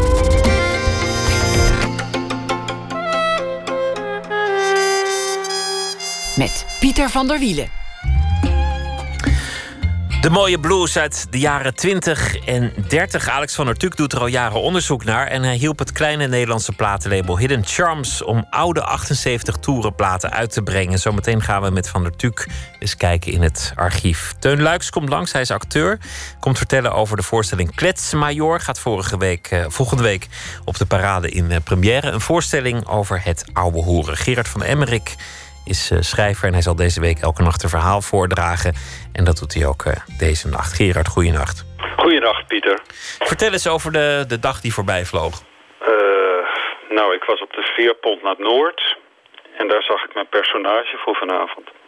Zomaar ineens, je herkende Ja, hem. ja. Je dacht, dat wordt hem. Een vrouw die gebeld werd en die eh, heel misprijzend naar haar schermpje keek en haar telefoon afzette. Oh, wat mooi. Nou, ga je gang. Ja, en ja, misschien moet ik erbij zeggen, ik, ik zag ook iets op eh, nu.nl over de sterren. Dat er steeds minder mensen sterren kunnen zien. Sterren kunnen zien, hoe bedoel je aan, aan de hemel? dat, door de, door de eh, lichtvervuiling. Dat, dat, dat, eh, Oh, vanaf Oh, ja. minder locaties op aarde zijn de sterren Ja. nog zichtbaar. door de invloed van lampen en lichtreclames inderdaad. Oh, ik Dat dacht, dat- ik dacht dat mensen ongetrainde ogen hadden... en daarom niet meer een ster nee, konden nee, herkennen. nee, nee. Maar dat heeft allerlei schadelijke gevolgen voor de gezondheid. Daar gaat mijn tekst over. Ga je gang. Ze waren nu 43 dagen uit elkaar. Je gaat me niet mailen of bellen of wat dan ook, had ze gezegd. En tot vanochtend had hij dat volgehouden. Toen begon hij aan een tekst waar hij de rest van de dag aan sleutelde. Uiteindelijk bleven er vier woorden over die hij haar mailde. Hé, hey, hoe gaat het? En elke minuut die avond controleerde hij zijn postvak. Maar al wat er kwam was een afspraakherinnering van de tandarts. En iets van Greenpeace. En om middernacht overtrad hij nog een regel. Hij belde haar. Nee, zei ze. En ze hing op. Maar het leek hem geen onherroepelijk nee. Het was een nee met mogelijkheden. Dus belde hij opnieuw. En toen hij er voicemail kreeg, begon hij eerst als een klein jongetje te huilen.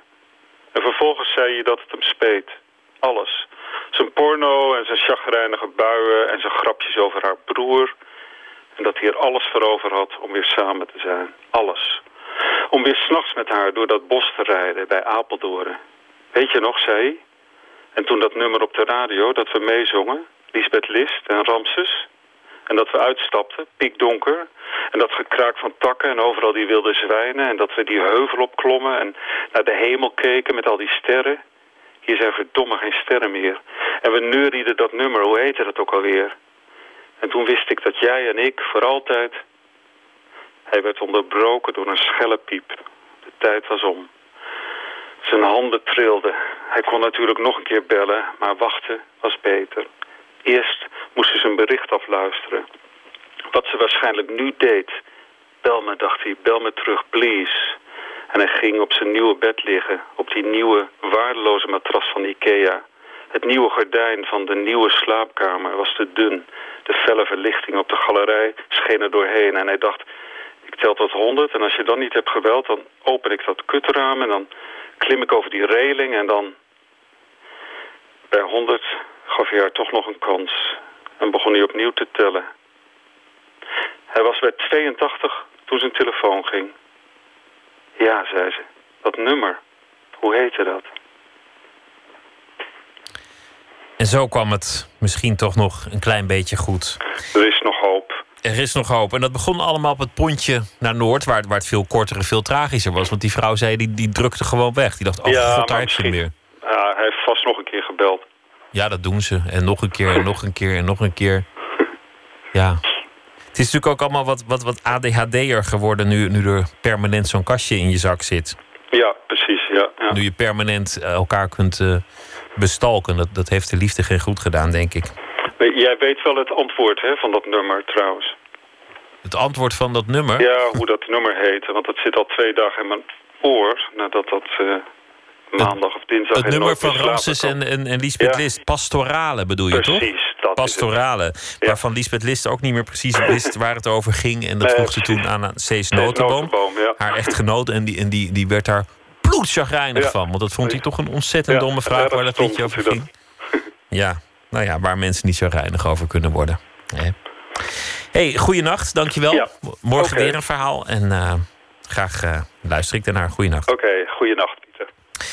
We gaan luisteren naar Talking Heads, New Yorkse band, jaren 70. Ze braken door met een eh, single Psycho Killer. We gaan eh, muziek draaien van het derde door Brian Eno geproduceerde album.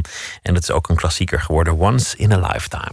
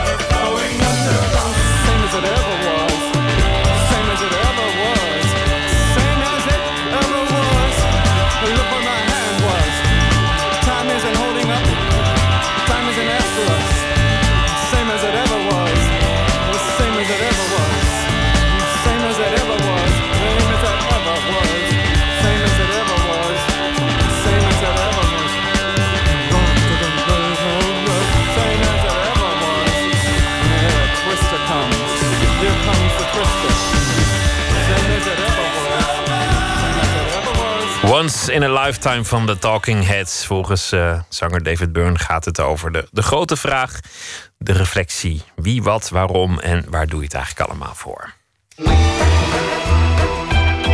Nooit meer slapen. Wie eenmaal de liefde opvat voor oude bluesplaten, kan daar zomaar zijn hele leven aan wijden. Alex van der Tuuk is zo iemand specifiek geïnteresseerd in de blues van de jaren 20 en 30. Voor zijn onderzoek reist hij regelmatig naar Amerika om met nabestaanden van overleden muzikanten te praten. Hij schreef een standaardwerk over het blueslabel Paramount en hij bracht twee boxen uit met muziek samen met wereldster Jack White van de White Stripes. Hij werkt ook mee aan een bijzonder Nederlands eh, project, een uitgave van 78 toerenplaten, muziek met een kraak en met een snik. En Nicolaou zocht hem op. Je kwam net binnen en eigenlijk vlak voordat je binnenkwam eh, had ik een soort eh, breaking news vanuit Amerika. Een soort eh, heet van de pers. Een opnamekaart van een niet bekende plaatopname van de Mississippi Shakes. Met het identificatienummer eh, L1549. Dat is een hele specifieke datum tevoorschijn. En die datum eh, die is zo belangrijk omdat we nu veel preciezer kunnen aangeven wanneer die opnames zijn gemaakt. Wat kenmerkt de bluesonderzoeker? Hij wil alles weten. Waar hebben die plaatopnamen dan plaatsgevonden? In welk gebouw? Bestaat dat gebouw nog? Zijn er eh, definitief uitgebrachte platen? Maar zijn er ook onuitgebrachte platen? Alles? Ja, alles. Er zit er net een ander zinnetje tussen. Er zijn mensen die zich daar heel erg op richten. Ja, eh, er zijn mensen die, die de labels van platen helemaal analyseren. Van kijk, er staat een apostrof in de titel wel of niet. Zo ver gaat het. Alex van der Tuk is zo'n bluesonderzoeker. Hij schreef een aantal standaardwerken over het Paramount-label. En hij houdt op dagelijkse basis contact met een heel netwerk aan mensen. In met name Europa, Azië en de VS. Via e-mail en sociale media delen ze elke snipper informatie. Iemand die daar eh, niet dagelijks mee te maken heeft, is dat ja, eh, ver van mijn bedshow. Van, moet het over komma's en, en punten gaan? Voor ons gaat het soms over punten en komma's. Van der Tuk doet zijn onderzoek vanuit zijn keurig opgeruimde zolder van zijn huis in Alkmaar. Naast de antieke grammofoon, die er meer voor de sier staat, liggen keurig uitgestald zijn boeken. Ja, hier zit ik dan tussen mijn uh, boeken, platen uh, aan mijn bureau met koffers vol met 78 toerenplaten, LP's, CD's. Uh, de oude cassettebandjes zitten er zelfs nog tussen. Heel veel naslagwerken. Ja, dit is mijn domein waar ik mijn research doe. Ja, overdag verpleger, s'nachts bluesonderzoeker. Stel ik me zo voor. Ja, nou, zo, zo heel zwart-wit zou je het kunnen stellen. Uh, uh, overdag verpleegkundige in een verzorgingshuis uh, hier vlakbij. en in de avonturen vooral ja, op zoek naar elementen die mij verder kunnen helpen in mijn schrijverij. Heb je al iets gedraaid vanochtend? Ik heb vandaag eerlijk gezegd nog helemaal niets kunnen draaien. Nee, nee, nee. Nee, wat, wat uh, ben je ergens voor in de stemming? Wat, nou, wat, wat, zou je nu draaien? Zet eens iets op voor me. Ja, ik, ik heb toevallig net een paar plaatjes binnengekregen. Dus uh, ik ga de Charleston Contest uh, zo voor je draaien. En dan gaan we de, de naald er voor de eerste keer in zitten, want ik heb hem net binnen. Zo.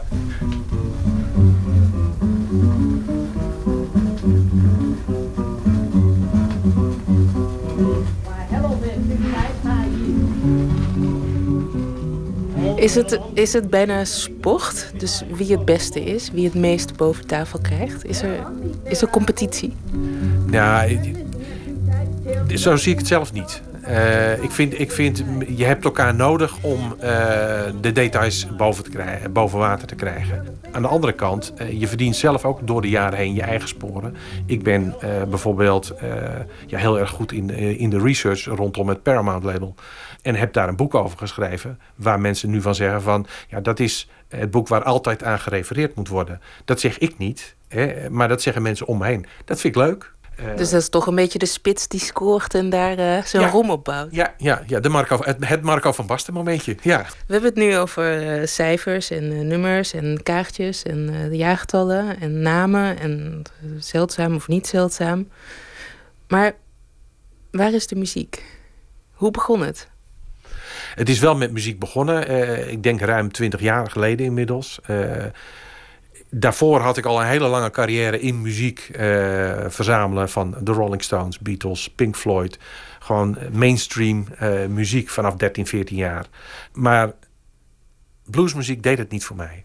15 jaar later, toen ik 29 was, deed Elmore James, I Need You Baby, het wel voor mij. Een nummer uit de jaren 50.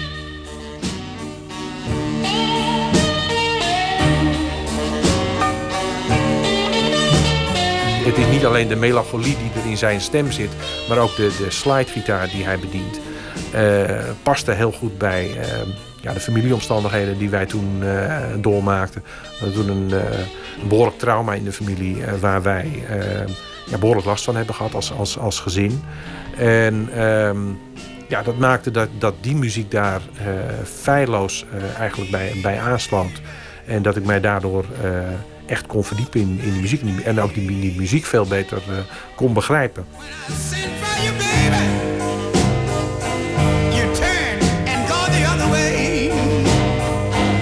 Elk moment van de dag, uh, koffie zetten, uh, douchen, huis schoonmaken. Alles. Die muziek stond op. Het was gewoon mijn levenssap op dat moment. Zo, zo zou je dat kunnen zien. En hielp dat ook dan? Ja, ja want uh, ondanks alle uh, treurnis in, in, de, in de familie op zo'n moment... Was, de familie, was, was de muziek zelf een, een enorme boost... om, om ook gewoon door te kunnen gaan met de gewone dingen in het leven.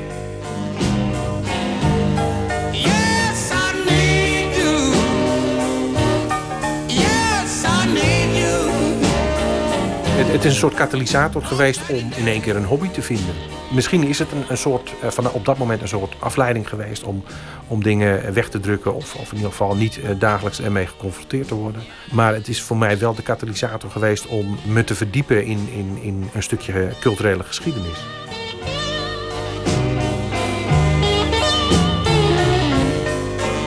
En vanuit Elmo James ben ik gaan zoeken in de bibliotheek van bluesmuziek. Wat is dat dan? Waar komt het dan vandaan? En vervolgens ga je stukje bij beetje toch terug lezen over bluesmuziek. Je gaat meer luisteren. Muddy Waters, Howling Wolf. En je gaat je daar steeds verder in verdiepen. En bij mij is het heel erg in eerste instantie jarenlang de eh, geschiedenis gebleven. Eh, en ben ik pas eh, toch later de muziek gaan induiken. En toen kwam er in één keer een nummer van Kid Bailey, Rowdy Blues. Ja, dat sloeg in als een bom.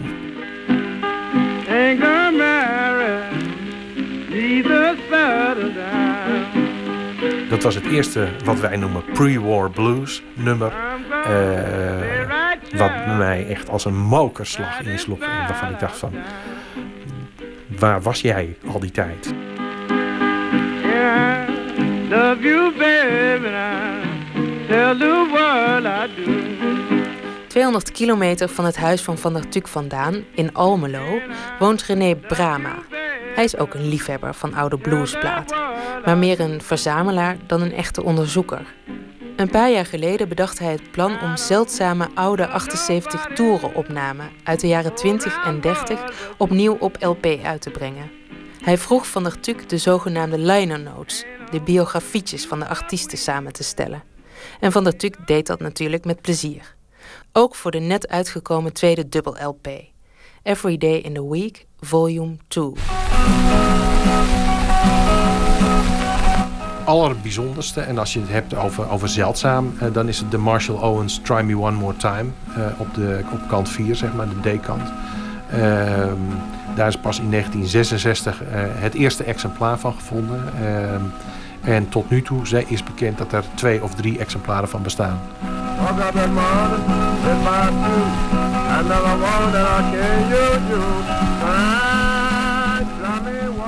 Deze artiesten die nu dus, waarvan de platen nu heel zeldzaam zijn, hoe werden die in hun tijd gezien? Waren zij toen wel groot?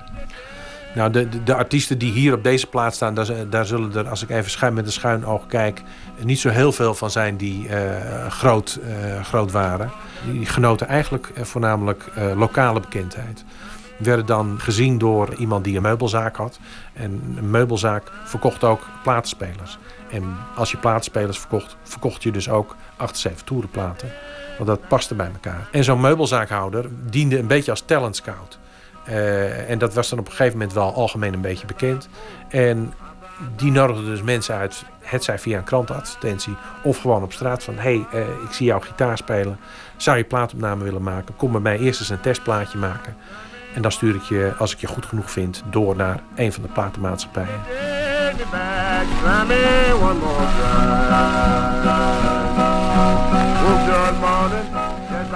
Maar is het, eh, is het goed? Is het terecht dat het eh, vrij onbekend is gebleven? Wij vinden, wij, nou, of het terecht is of het eh, onbekend is gebleven, dat weet ik niet. Eh, ik, vind het on, eh, ik vind het in ieder geval onterecht dat het onbekend is gebleven.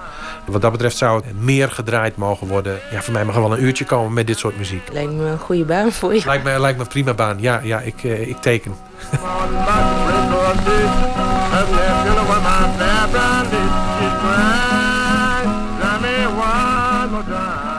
Prachtige nieuwe uitgave van oude opnames eh, verschenen bij Hidden Charms uit Almelo. Er komt ook een eh, nieuw boek van Alex van der Tuuk. De titel daarvan is The New Paramount Book of Blues. Een bijdrage van Emmy Colau was dat. We gaan eh, luisteren naar iets dergelijks. Geboren in 1905, Delta blueszanger en gitarist Tommy McClennan maakte platen van 1939 tot 1942. Dit een van zijn eerste nummers. You Can Mistreat Me Here. Hier is Tommy McClennan.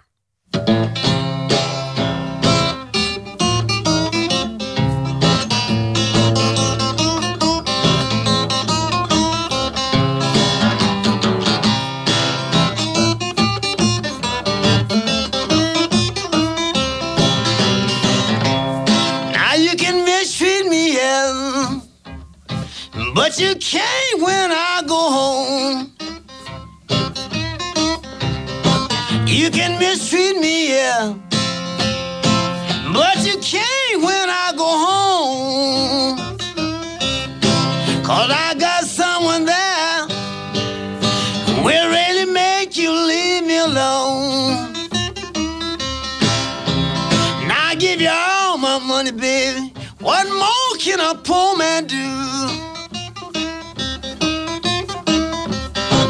Give you all my money. Ooh, what more can a poor man do? You're a sweet little girl, baby, but you won't be true. Now I told you once now, baby, and I don't have to tell you no more. Take your time and play it right, cause you're in Chicago. I told you, I don't want to tell you no more. Tell me what, you can get all of my loving if you let that black man go. Ladybug man. Yes, yes. Yeah. Yeah.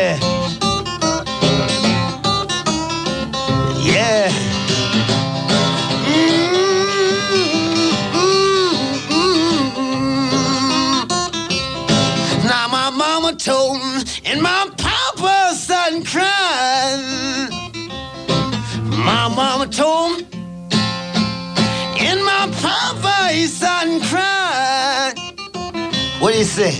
Said, son, you're too young a man to have them many women your size. I looked at my mom and papa, now, now, and I never cracked a smile. Yes, yes, yes, yes. Looked at my mom and papa, and I never cracked a smile. What about it? I said, the little woman I got killed me. Mama, Lord, I don't mind dying. Bop, bop, bop. You Can Mistreat Me Here van Tommy McLennan. Open kaart.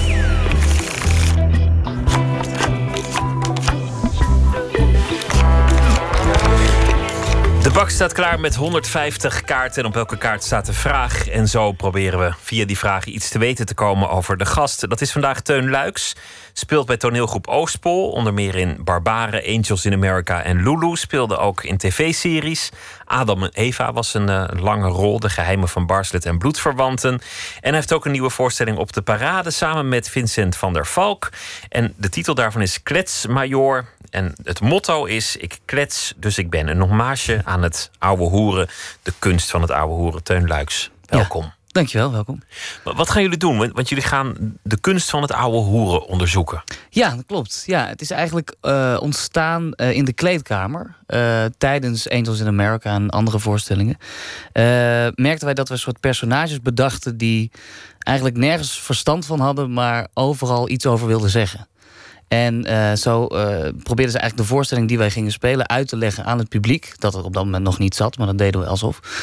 En dan probeerden zij met hun beperkte verstand eigenlijk uit te leggen waar het eigenlijk over ging en wat het publiek allemaal wel en niet kon verwachten. En die personages die begonnen te groeien en te ontwikkelen. En toen dachten we, eigenlijk moeten we dit een keer met wel echt publiek doen. En kijken of dat, of dat werkt. Of de mensen dat ook leuk vinden. Of dat alleen wij dat heel leuk vinden. En eh, dat zijn we nu aan het uitproberen. We gaan volgende week in première op de parade in Rotterdam. En dan gaan we zien of het werkt. En het is dan een, een soort variant op de bedweterige oom of de, de café-docent of nou ja, dat zijn, noem maar op. Ja, dat zijn inspiratiebronnen voor die twee eh, personages. En wat we eigenlijk gaan doen is dat we een, een, een soort monument voor de kletser willen maken. Eh, en dat, dat uitzicht in deze vorm dat wij vier uur lang eh, een soort kletsmarathon gaan houden. Dus dat wij met z'n tweeën ononderbroken gaan kletsen. En het publiek mag daar in drie verschillende shows eh, naar kijken. Drie verschillende momenten op de avond naar kijken. En alles daartussendoor, dan zitten wij in de kleedkamer. En dan mogen ook mensen naar kijken. Dus mensen mogen ook kaartjes kopen voor de kleedkamersessies. En daar zullen wij dan verder gaan. Dus je kunt als je wil vier uur lang naar ons geouwe hoer luisteren. En jullie zullen je de blaren op de tong ouwe hoeren. Ja. Heb je het idee dat het in opmars is, het, het, het gouden hoer? De, de mensen die nergens verstand van hebben, maar desalniettemin graag die mening ventileren. Ja, dat is wel iets van deze tijd. Misschien wel van alle tijden, maar misschien krijgen we het nu steeds meer te horen. Ik zat toevallig net in de auto en ik hoorde op de radio een sportcommentator commentaar leveren op eh, een voetbalwedstrijd. En ik dacht, ja, die zit ook maar zijn tijd vol te lullen natuurlijk. Ik bedoel, soms gebeurt er niet zoveel in een wedstrijd. En dan moet je toch, je kan niet een minuut stilte houden. Dus je, je moet maar gewoon kletsen. En door dat geklets kom je in een soort modus dat je soms dingen zegt die je helemaal niet bedacht had of bedoeld had. Maar om, om maar te vullen, klets je dan maar door. En dat is wat deze personages ook doen. Wat in de Amerikaanse politiek wel eens de filibuster werd genoemd. Dat je dan zoveel tijd moest volmaken om, om eh, een, een wetsvoorstel te verhinderen. Om, Ja. om te, te zorgen dat het er niet doorkwam. En dan moest je gewoon de, de, de tijd vol lullen. Ja. En het hoefde niet per se relevant te zijn, maar dat wordt een beetje aan grenzen gebonden. Dat was dan gewoon eh, doorratelen. Ja, nou ja, dat, dat heeft hier wel eh, eh, raakvlakken mee, denk ik. Ja. Want soms, want we zijn nu aan het uitproberen. En ja, soms kijken we elkaar ook aan en denken... ik heb geen idee meer wat ik nu moet zeggen. Want ik heb al zoveel verteld. Maar dan kom je toch uiteindelijk wel weer op onderwerpen... waar je wel weer iets geestigs of iets geks over eh, eh, kunt vertellen. En dan, eh, nou ja, tot nu toe kunnen we steeds die vier uur wel volmaken. Dus hopen dat de mensen dat kunnen waarderen. Laten we eens kijken wat we te weten komen aan de hand van vragen. Ik heb hier kaarten. Ik wil je vragen om er een te trekken. Oké. Wat is er falikant mislukt? ja. Oei, mijn, ja, mijn, mijn, mijn voetbalcarrière is falikant mislukt. Was het een carrière? Nou, ik, ik, ik dacht zelf altijd van wel. Ik dacht altijd dat ik eh, profvoetballer zou worden. Maar toen eh, kreeg ik een groeiziekte aan mijn knie. Eh Osgood Schletter heet dat. Het is een soort. veel pubers hebben dat. Dan, dan groeit eigenlijk je knie. Daar daar groeien een aantal pezen te snel. En dat begint dan te ontsteken. En daardoor mocht ik een jaar lang niks meer doen. Toen ben ik gestopt met voetbal. Maar toen ben ik wel gaan toneelspelen. Dus daardoor ben ik acteur geworden. Dus het, heeft, het is ook weer niet mislukt. Maar mijn voetbalcarrière is wel echt mislukt. Waar voetbalde je? Eh, bij RKVVO, Rooms-Katholieke Voetbalvereniging in Oerle. Eh, en ik weet zeker dat er heel veel scouts langs de lijn stonden. Dus het had echt iets kunnen worden. Ja, misschien. zeker wel. Zeker wel. Ja, helaas. Nou ja, zo zie je maar dat het pech ook weer nieuwe wegen opent. Precies, precies. Neem nog een kaart. Is er iets dat niemand van je weet? Behalve die voetbalcarrière. Behalve die voetbalcarrière. Dat is natuurlijk een goede vraag voor in een, een radio-uitzending. Ehm, is er iets dat niemand van je weet? Eh, ja. En dat wil je graag zo houden, dat wil ik meen ik graag te zo horen. houden. En dat wil ik graag zo houden. Is er iets wat niemand van je weet waarvan je denkt... jammer dat eigenlijk niemand dat ooit heeft opgemerkt. Dit is je kans. Oh ja, om dit nu aan de wereld... Dat je een kersthit hebt geschreven of zo. Of eh, nou ja, iets anders. Nee, ik denk, ik, ik droom wel eens dat ik een grote musicalster ben. Ehm, maar ik kan helemaal niet zo goed zingen. Maar ik, mijn moeder heeft vroeger heel veel musical gespeeld. En ik ook wel een beetje amateur musical. En ja, ik, ik, ik, ik vond dat geweldig. En dat is echt een soort stiekem droom. Dat ik, dat ik eigenlijk heel graag een keer de hoofdrol in eh Les Miserables of zo zou spelen. Ik krijg dat toch, als ik daaraan denk, krijg ik kippenvel. Terwijl eigenlijk, ik kijk zelf bijna nooit naar musicals. Helemaal niet mijn genre. Ik hou er ook helemaal niet van. Maar eh, eh, misschien zit er in mij toch wel een- nog het, het kind dat dat zou willen. Dus eh, misschien zou ik toch nog een keer een kans moeten wagen. Een verborgen ambitie. Een verborgen ambitie, ja. wie Neem weet. nog een kaart. Waar geef je het meeste geld aan uit? Oeh, ehm, ja, aan eten. Nou, ik weet niet of dat het meeste is. Maar aan eten geef ik wel echt het meeste geld uit, denk ik, ja. In ieder geval het vaakst. Ik ga heel, heel graag, vaak en lekker uit eten. Maar ik ga ook heel graag met mijn vriendinnetje op reis. Een, een weekendje naar een, een, een leuke stad. En naar, onlangs zijn we naar Rome geweest en naar Barcelona en naar Marbella. En, eh, nou ja, dat, dat is eigenlijk een hele grote hobby. Dus je geeft geld uit aan dingen die vervliegen. Die, Ja. die niet blijven. Geen, eh, Nee, geen heb- mooie bank of een schilderij. Of... Nee, nou, heel af en toe wel, maar het liefst aan het leven zelf. Ja, het liefst Herinneringen. Ja, aan, aan, aan dat soort momenten. Ik heb ook wel, eh, wel- eens, ik koop ook wel eens eh, eh, foto's of kunst of zo voor in mijn huis. Vind ik ook ontzettend mooi om daar geld aan uit te geven. Maar het liefst, eh, het, het vliegt ook altijd meteen weer uit als ik iets binnen heb. En dat komt omdat ik het altijd uitgeef aan levende dingen. Aan, aan, aan eten, aan op reis gaan, aan En dat eten, eh, moet het dan ook een bepaald soort eten zijn? Zijn het dan de Michelin-sterren of, of, of juist de heel hippe dingen of, of exotische dingen? Ehm, nee, niet per se de Michelin-sterren, maar wel. Ik kan heel slecht tegen slecht eten. Oké. Eh, ik, bedoel, ik, kan niet, als, ik kan niet een avond eh, eh, maar maar denken, nou ja, dan neem ik maar, dan eet ik maar gewoon dit. Dan eet ik maar gewoon. Dan, eh, dan ga ik altijd toch nog kijken wat ik in huis ben. Dan maak ik iets wat toch nog enigszins kwaliteit heeft of zo. Waarvan ik Dat, denk, dat komt waarschijnlijk omdat je een toerend artiest bent. Ik weet dat van veel muzikanten. Die zijn vaak veroordeeld aan het werk tot, tot tamelijk goor eten. Ja, Omdat het theater zegt, wij maken wel wat. En dat blijkt dan een opwarm lasagne te zijn Ja. van bedenkelijke kwaliteit. Ja, dat kan af en toe ontzettend tegenvallen. Of als je op tour bent en je, en je gaat dan altijd uiteten in eh, de restaurantjes in de buurt. En vaak is er niet heel veel tijd, omdat mensen ook andere projecten doen. En dan na de zoveelste entrecote met pepersaus denk je, nu moet er iets gebeuren. Nu moet er een goede cateraar komen die ook voedsel geeft waar je goed op kan spelen. Waar je, waar je blij van wordt. Ik denk altijd, als je mensen goed te eten geeft en goed laat slapen... in welke ma- manier dan ook, dan doen ze alles voor je. Bijvoorbeeld in filmproducties, als je daar. eh, eh, dat is heel, dat is heel, klinkt ook ergens heel verwend, maar als daar slechte catering is, dan merk je gewoon dat dan na vijf uur lunch dan met elkaar, en de andere volgende vijf uur zijn, zijn daarna. En als er dan daartussen slecht eten is, dan, dan heeft niemand meer zin. En dan gaan mensen echt minder hard lopen voor je en minder eh, hun best doen. Of. Dat voel je gewoon meteen. Terwijl als die catering echt, als die cateraar goed is en dat eten is echt uplifting, dan, dan, dan vlieg je de uren daarna. Het is, het is grappig wat je zegt, want, want er, er zijn legendarische rockbands die gestopt zijn omdat ze niet meer konden tegen het slaapgebrek en het slechte eten dat hun management ze steeds weer eh, bij opscheepte. Ja, ja. Nou ja, dat, dat kan ik begrijpen. Ja. Laten we nog zo'n kaart Ja, doen. ja. Nou, komt best veel te weten al. Ja, precies. Wat wil je aan je kinderen meegeven? Ehm, God, ja, ik hoop dat ik ze, mag, dat ik ze kan krijgen. eh, ten eerste. En als ik ze krijg, wat wil ik ze dan meegeven? Ehm, ja, god, een heleboel dingen. Eh, dat je gewoon eh, lief voor elkaar moet zijn. En, en, dat je, en dat je altijd moet blijven spelen of zo. Dat je altijd. dat je dat, dat kind, wat ze op dat moment nog zijn, niet, niet kwijt moeten raken. Zekere speelsheid behouden in het bestaan. Ja, ik denk dat dat eh, eh, heel. eh, dat, dat geeft energie en dat geeft levenslust. Dat je altijd op, op zoek blijft naar. om, om, om, om dingen te, te ontdekken vanuit een soort. Nou ja, ik vind een bepaalde naïviteit helemaal niet verkeerd. Een bepaalde kinderlijke naïviteit. Onbevangenheid. Ja, bepaal, natuurlijk word je doordat je ouder wordt en doordat je dingen meemaakt, ook hele nare dingen, of hele, word je gewoon getekend en word je ook wat, en wat serieuzer of word je wat, eh, wat kritischer. Dat, dat, dat, dat doet het leven nou eenmaal. Maar daarbinnenin eh zit, zit altijd nog dat kind wat gewoon eh, op een bepaalde manier naar de wereld kijkt, onbevangen en eerlijk ook, denk ik. En ik denk dat, dat daar voor mij schoonheid ook zit. Dus Dat begrijp ho- ik wel, hoop, ja. ik hoop dat ze dat. We gaan er nog een doen. gaan we nog één doen. Wat is belangrijker, inspiratie of transpiratie? Ehm, eh, inspiratie, denk ik. Een goed idee en dan pas aan de slag. Eh, ja, precies. Ja, ja. Eh, ik ben eigenlijk van, van huis uit aardslui. Ehm, als, het, als, ik, als ik zeg maar.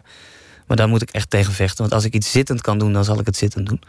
En niet. niet maar aan de andere kant vind ik het ook heerlijk om. om, om, om om heel hard te sporten of heel hard te voetballen. En daardoor kan je juist ook wel weer inspiratie krijgen. Ik weet dat eh, heel veel theatergezelschappen vroeger... die werkten gewoon vanuit eh, dat ze ochtends twee uur lang eh, gingen dansen of bewegen... of allerlei oefeningen gingen doen en dan pas de vloer op. En, en op zich is dat ook wel een methode die, die, die, die wel klopt. Of die ik wel begrijp. Eh, alleen eh, ja, door mijn luie inworst eh, moet ik altijd een enorme trap onder mijn kont krijgen. Daarom dat ik nu ook zeg, ik lees het woord transpiratie. Ik denk, och nee, dat gaan we niet doen. We doen wel beginnen met inspiratie. Ja, ze gaan hand in hand, denk ik. Ja, ja. We doen er nog één. Welke collega verdient meer waardering? Ehm, eh, de, de, de, de technicus bij, bij veel eh, theatervoorstellingen. Want die kan, die kan de show maken en breken. Die kan de show maken en breken. En die is er altijd al uren voordat ik er ben. En die gaat pas weg uren nadat ik er ben geweest. En eh, die breekt alles af. En die krijgt nauwelijks applaus. Die krijgt nauwelijks waardering. Ik probeer altijd na de voorstelling, als het klaar is, even naar de technici te gaan. En ze te bedanken voor het werk dat ze erin hebben gestoken. Want die stonden daar al om 12 uur s middags. En die zijn pas om twee uur s'nachts klaar. En niemand zegt ooit tegen hen mooie voorstelling. Terwijl natuurlijk hebben de acteurs dat dan gespeeld. Maar die technici eh, hebben het eh, mogelijk gemaakt. En repeteren vaak ook mee en doen de hele productie vaak ook en doen mee. de hele productie vaak mee. Ja, ja, komen er dan iets later in het proces, dus niet bij het tekst le- lezen en zo. Dan zijn ze er nog niet bij, maar op een gegeven moment wel. En dan denk ik altijd, ja, daar, daar, mag wel eens een, daar mag wel eens een prijs voor zijn. Dat iemand een keer daarvoor beloond wordt. Dat er even wordt gekeken, kijk, dit is het werk dat die technici doen en dat verdient waardering. Hij heeft het ook gemaakt. We, Ja. doen, we doen er nog eentje. Oké. Wat vind je lelijk aan jezelf? Eh, eh, God, wat vind je lelijk aan jezelf? Ja, ik vind het lelijk, maar ik vind het ook wel grappig aan mezelf. Ik heb een beetje een bochel. Echt waar? Ja, ik heb een beetje een beginnende bochel. Ik zie, zie ik soms als ik mezelf terugzie op film. Dat ik een beetje, een beetje met mijn schouders naar voren en een beetje zo niet helemaal als een Quasimodo, zover is het nog niet. Maar het, het, het, het is een aanzet tot een bochel. En ik vind dat ergens lelijk. Ik denk, nee, ik wil gewoon zo rechtop en een stoere man. Maar ik weet ook gewoon dat ik dat niet ben. Dus ik vind het ook wel weer geestig om mezelf aan terug te zien. Te denken, och, jongen toch, je bent eigenlijk best een sukkel. Nee, dat is, gewoon, dat is gewoon een relaxte, relaxte lichaamshouding. Ja. Zo moet je dat zien. Ja, precies. Niet, ja. niet uptight van kijk, hier Kijk ben ik. eens- hier kijk is Tarzan, maar kijk gewoon mij eens transpireren. een beetje relaxed. Precies, ja. Nou, ik ben blij. Zo, zo wil ik het best wel zien, ja. Nou, leuk dat je er was. De voorstelling staat op eh, de parade. En ehm, het is een eh, hommage aan het oude hoeren.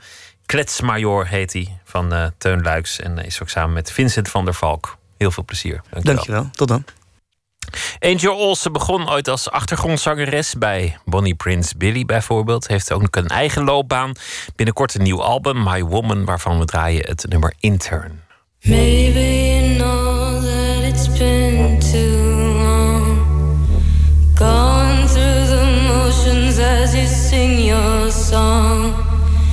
Doesn't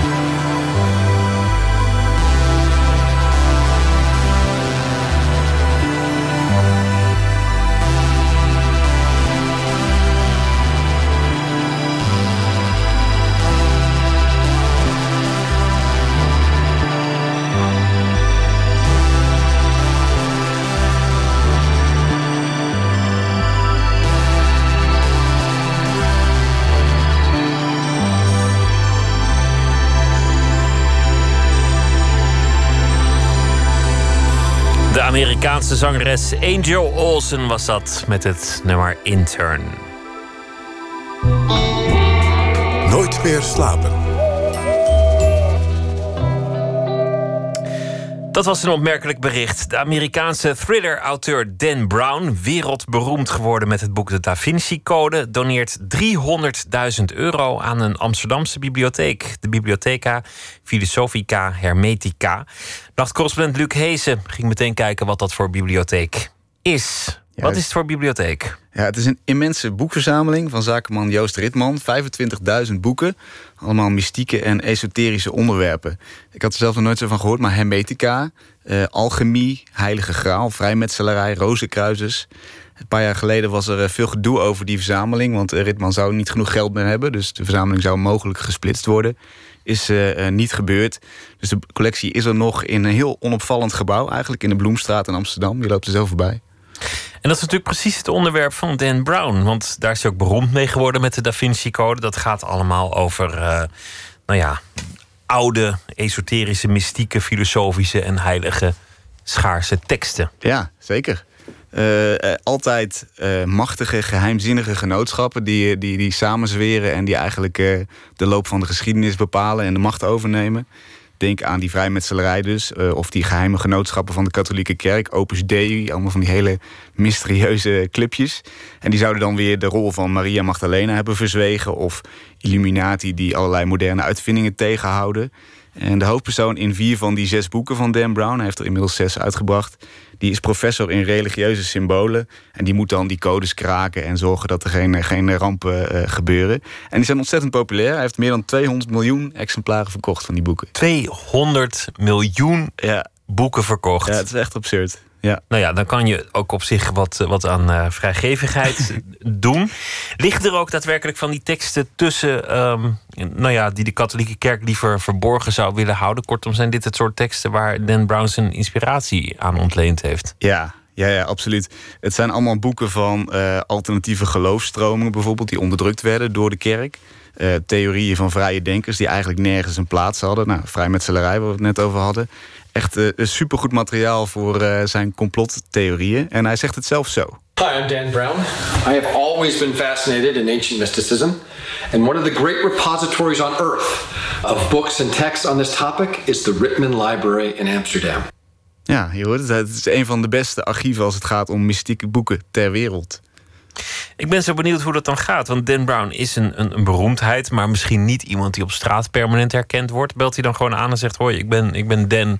Mag ik even in de, in de bibliotheek struinen? Nee, nee, hij is toch wel iets groter dan, eh, dan we misschien zouden verwachten. Hij is, eh, eh, de, de uitgever die regelt eigenlijk zo'n hele tour. Dus hij is een paar dagen in Nederland.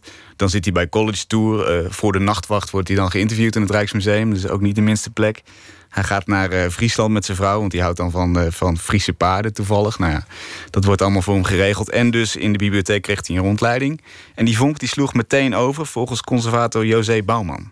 Ja, Dan Brown was hier en hij was eh, laaiend enthousiast toen hij titels onder ogen kreeg waar hij naar verwijst in zijn boeken, die hij soms al wel kende, maar juist ook de titels die wij aandroegen waar hij nog nooit van gehoord had. En hij ziet een afbeelding en hij, ja, hij, hij slaat zijn handen voor zijn ogen en zegt: Dat is nou precies wat ik me altijd, eh, waar ik over schrijf, wat ik heb gezocht. En eh, dat het al bestaat. Daar was hij heel erg verrast door. En daarna is hij teruggekomen en heeft hij daar hele dagen zitten blokken in de bieb. Eigenlijk wel. En dat moet dan allemaal heel geheim. Eh, ik heb me laten vertellen dat hij echt incognito over straat ging. Niemand mocht weten dat hij daar zat eh, te studeren. Ik heb natuurlijk heel erg zitten vissen wat voor boeken hij dan precies wilde inzien. Eh, daar hoor je directrice Esther Ritman over. Wij lieten hem natuurlijk meteen boeken zien, zoals het Corpus Hermeticum op perkament. En de werken van Spinoza en al die bijzondere boeken met die rijke beeldtaal. En ik kan alleen maar zeggen dat hij alles interessant vindt. en dat wat hem het meeste aansprak ook eh, de samenhang in deze collectie is. Ja, daar word je dus niet heel veel wijzer van. Althans, je hoort, je hoort geen con- concrete titels van... Hey, Ze geeft niks weg, nee. die, die- dit, dit gaan we eens even fijn analyseren, boektechnisch. Eh, hij heeft wel bekendgemaakt dat het ging om research voor de boeken Inferno uit 2013... en voor Het Verloren Symbool, eh, ook weer over de vrijmetselaars. En die was in 2009 al op de markt. Eh, dat laat wel zien dat hij dus al een hele tijd eigenlijk in deze bibliotheek komt spieken. Saillant is dat vooral omdat hij in die uitzending van Co- College Tour in 2014... eh, zei dat hij eigenlijk voor het eerst in Nederland was. Dus blijkbaar wilde hij niet dat we weten dat hij al een aantal jaren daar aan het studeren is. Dat is eh, inderdaad mysterieus als die voor het eerst in Nederland zegt te zijn in 2014 en hij komt al in 2009 in een bibliotheek in Amsterdam. Tenzij wanneer die net als veel Amerikanen niet wist dat Amerika eh, of, of dat Amsterdam in Nederland lag. Ja, dat kan ja. natuurlijk ook. New York. Nou, nou is het, het interessant aan Dan Brown dat hij wel degelijk ehm, studie maakt van zijn onderwerpen. Vrij gedegen. En dan daar vervolgens heel veel spannende complotten omheen verzint. En het, en het gewoon wel tot fictie eh, maakt. Hoe diep gaat die studie? Wat ben je daarover te weten gekomen? Nou, ik dacht eigenlijk, een groot deel van die charme van zo'n boek is gewoon... Je, je- je, je neemt een minimaal portie waarheid en je verzint daar heel veel mooie verhalen bij. Ehm, maar dat blijkt niet helemaal zo te zijn. Ik heb het gevraagd aan die conservator, J.C. Bouwman... of Brown zich eigenlijk een beetje houdt aan die historische bronnen. Jazeker, er zit heel veel historische waarheid in. Maar hij speelt er natuurlijk wel een spel mee. Hij dikt sommige dingen natuurlijk extra aan. En creëert er ook wat geheimzinnigheid omheen... die er misschien helemaal niet meer is. Want er is al heel veel onderzoek gedaan naar die geheime genootschappen uit het verleden. Maar eh, hij laat zien dat hij zijn bronnen heel goed eh, kent of wil kennen, wil leren kennen. Goed, Dan Brown eh, is dus erkentelijk aan deze bibliotheek en heeft eh 300.000 euro gedoneerd. Een heel mooi bedrag. Wat gaan ze daarmee doen? Ze gaan boeken digitaliseren. Ze hebben 4600 vroege drukken en ook nog 300 handschriften. Die gaan ze helemaal inscannen en die worden vanaf eh, 2017 online zichtbaar. Hoe heeft Dan dat aangekondigd? Hoe doet hij dat? Komt hij dan op een dag binnen en zegt tegen, tegen de bibliothecaris... eh, trouwens, ik heb hier een cheque voor je? Of, of gaat het anders? Nou, zo'n beetje wel. Heel achterloos, eh, begreep ik tenminste van de directrice. Het was voor haar echt een volledige verrassing. Hij was hier eigenlijk om, om onderzoek te doen. En hij hoorde natuurlijk van het project. En toen zei hij van nou, heel even een momentje. En ik ga ervoor zorgen. Nou, dat is toch sympathiek. Zeker in de tijd waarin eh, de subsidiegevers en de overheid vaak wat onvoorzichtiger zijn en zeggen van nou ja, daar, daar is de papierbak, succes met die bibliotheek. Ja. Het is toch mooi dat er dan iemand als Dan Brown is die, die zijn eigen kapitaal ter beschikking stelt. Zeker, zeker. En mocht je nou denken, ik ben ook benieuwd naar die rozenkruisers en eh, naar de inspiratie van Dan Brown. Je kunt nu niet naar die Bloemstraat toe. De bibliotheek is dicht en die gaat verhuizen naar het Huis met de Hoofden aan de Keizersgracht. Een hele nieuwe locatie. En het wordt ook een museum. En na de verbouwing kun je alle boeken weer zien, maar ook tentoonstellingen over kunst, allerlei activiteiten.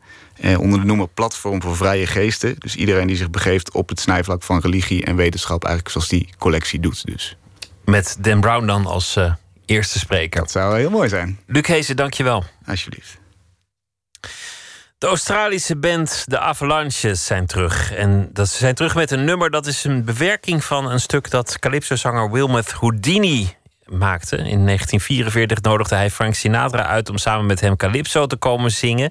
De Avalanches hebben dat eh, gemixt met eigen tijdse beats. En hebben ze er ook nog iets van de Sound of Music doorheen gedraaid.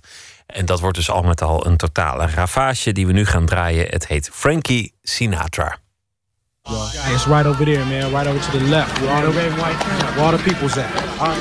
Well, I'm at the concert. Never. Watch the show. It's good.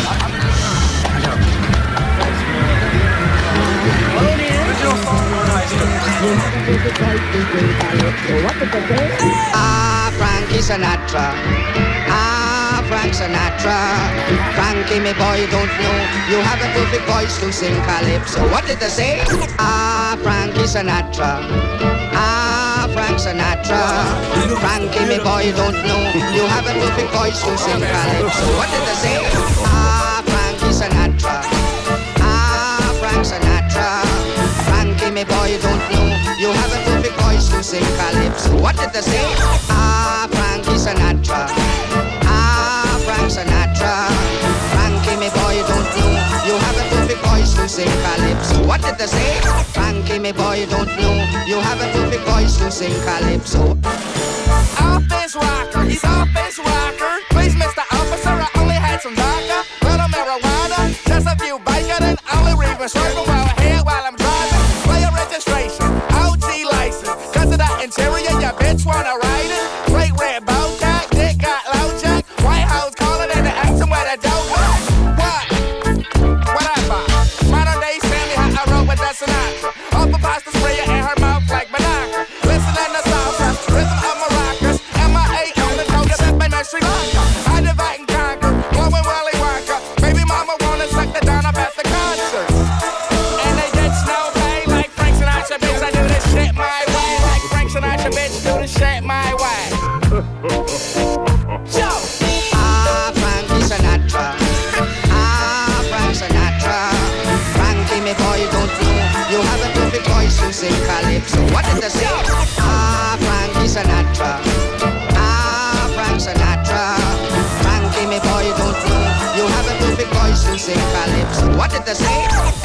me boy, don't know.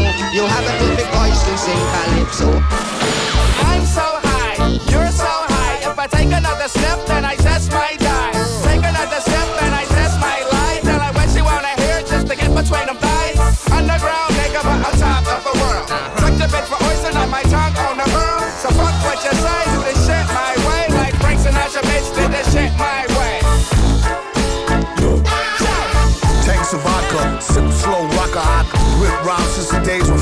baccarat. From a stocky stock, known for his illy right hook to make Rocky block. That's no poppycock pirate. We can keep it irie, or we can keep it irate. Tidely, we keep it 100. From the heights and all the lights, selling coffin muffin. Come with that headbanger bully for that ass. Will give a bully ten nookies for the cash? Dash, dip slow on a marathon. Or maybe he goes in calypso like Farrakhan. Or Frank Sinatra, man.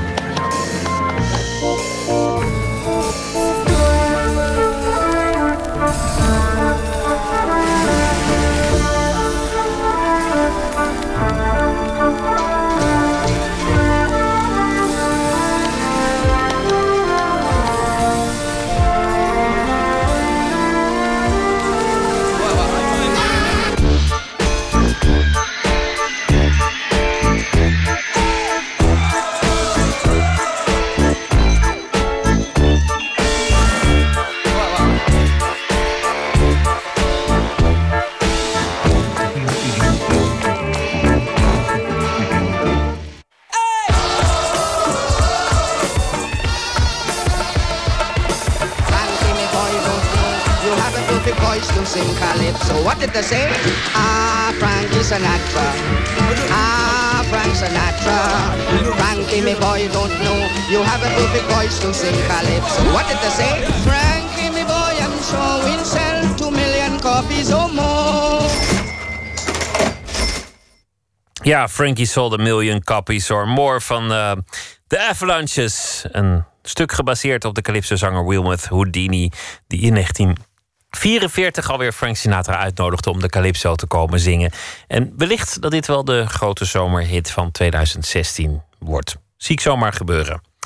We eindigen met poëzie, doen we altijd. In 2014 publiceerde Saskia Stehauer haar eerste bundel, haar eerste dichtbundel. Wachtkamers kreeg meteen de C. Buddingprijs. Dit najaar zal haar tweede bundel verschijnen. De titel is al bekend. Vrije uitloop zal het gaan heten. Saskia Stehauer heeft deze week elke nacht een gedicht uitgekozen. En die zal ze ook zelf voordragen. En deze nacht is dat een gedicht van Ton Tellegen. De titel is Vrijheid.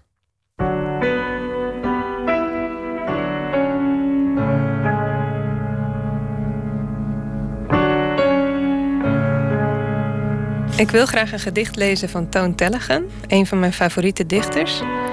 En Toon Tellegen kan eigenlijk alles. Die kan in ontzettend simpel lijkende gedichten kan hij heel mooi blootleggen hoe moeilijk wij mensen het vinden om met elkaar om te gaan. Maar hij kan ook echt alle taalregisters opentrekken, zoals in een heel indrukwekkende aanklachtbundel De Optocht, een paar jaar geleden verscheen. En vandaag lees ik een schijnbaar simpel gedicht. En die komt uit de gedichtendagbundel Kruis en Munt uit 2000. Vrijheid. De een zwijgt. De ander wijst erop dat dat niet kan. De een fluistert. De ander laat zien dat dat volstrekt onvoldoende is. De een schreeuwt. Schreeuwt urenlang. Schreeuwt met een steeds hogere en schrillere stem. Een overslaande stem. De ander ziet toe. De een koestert de vrijheid als een kleinood, als een offer, als een groot, leeg paard in de dronken duisternis. De ander roept: Niet doen! Vrijheid. Een gedicht van Toon Tellegen, uitgekozen en voorgedragen door Saskia Stehauer, die morgen ook weer een gedicht zal voordragen in Nooit meer slapen. En dan zit hier eh, niemand minder dan Esther Naomi Perquin en die ontvangt Mette Gurmurhan.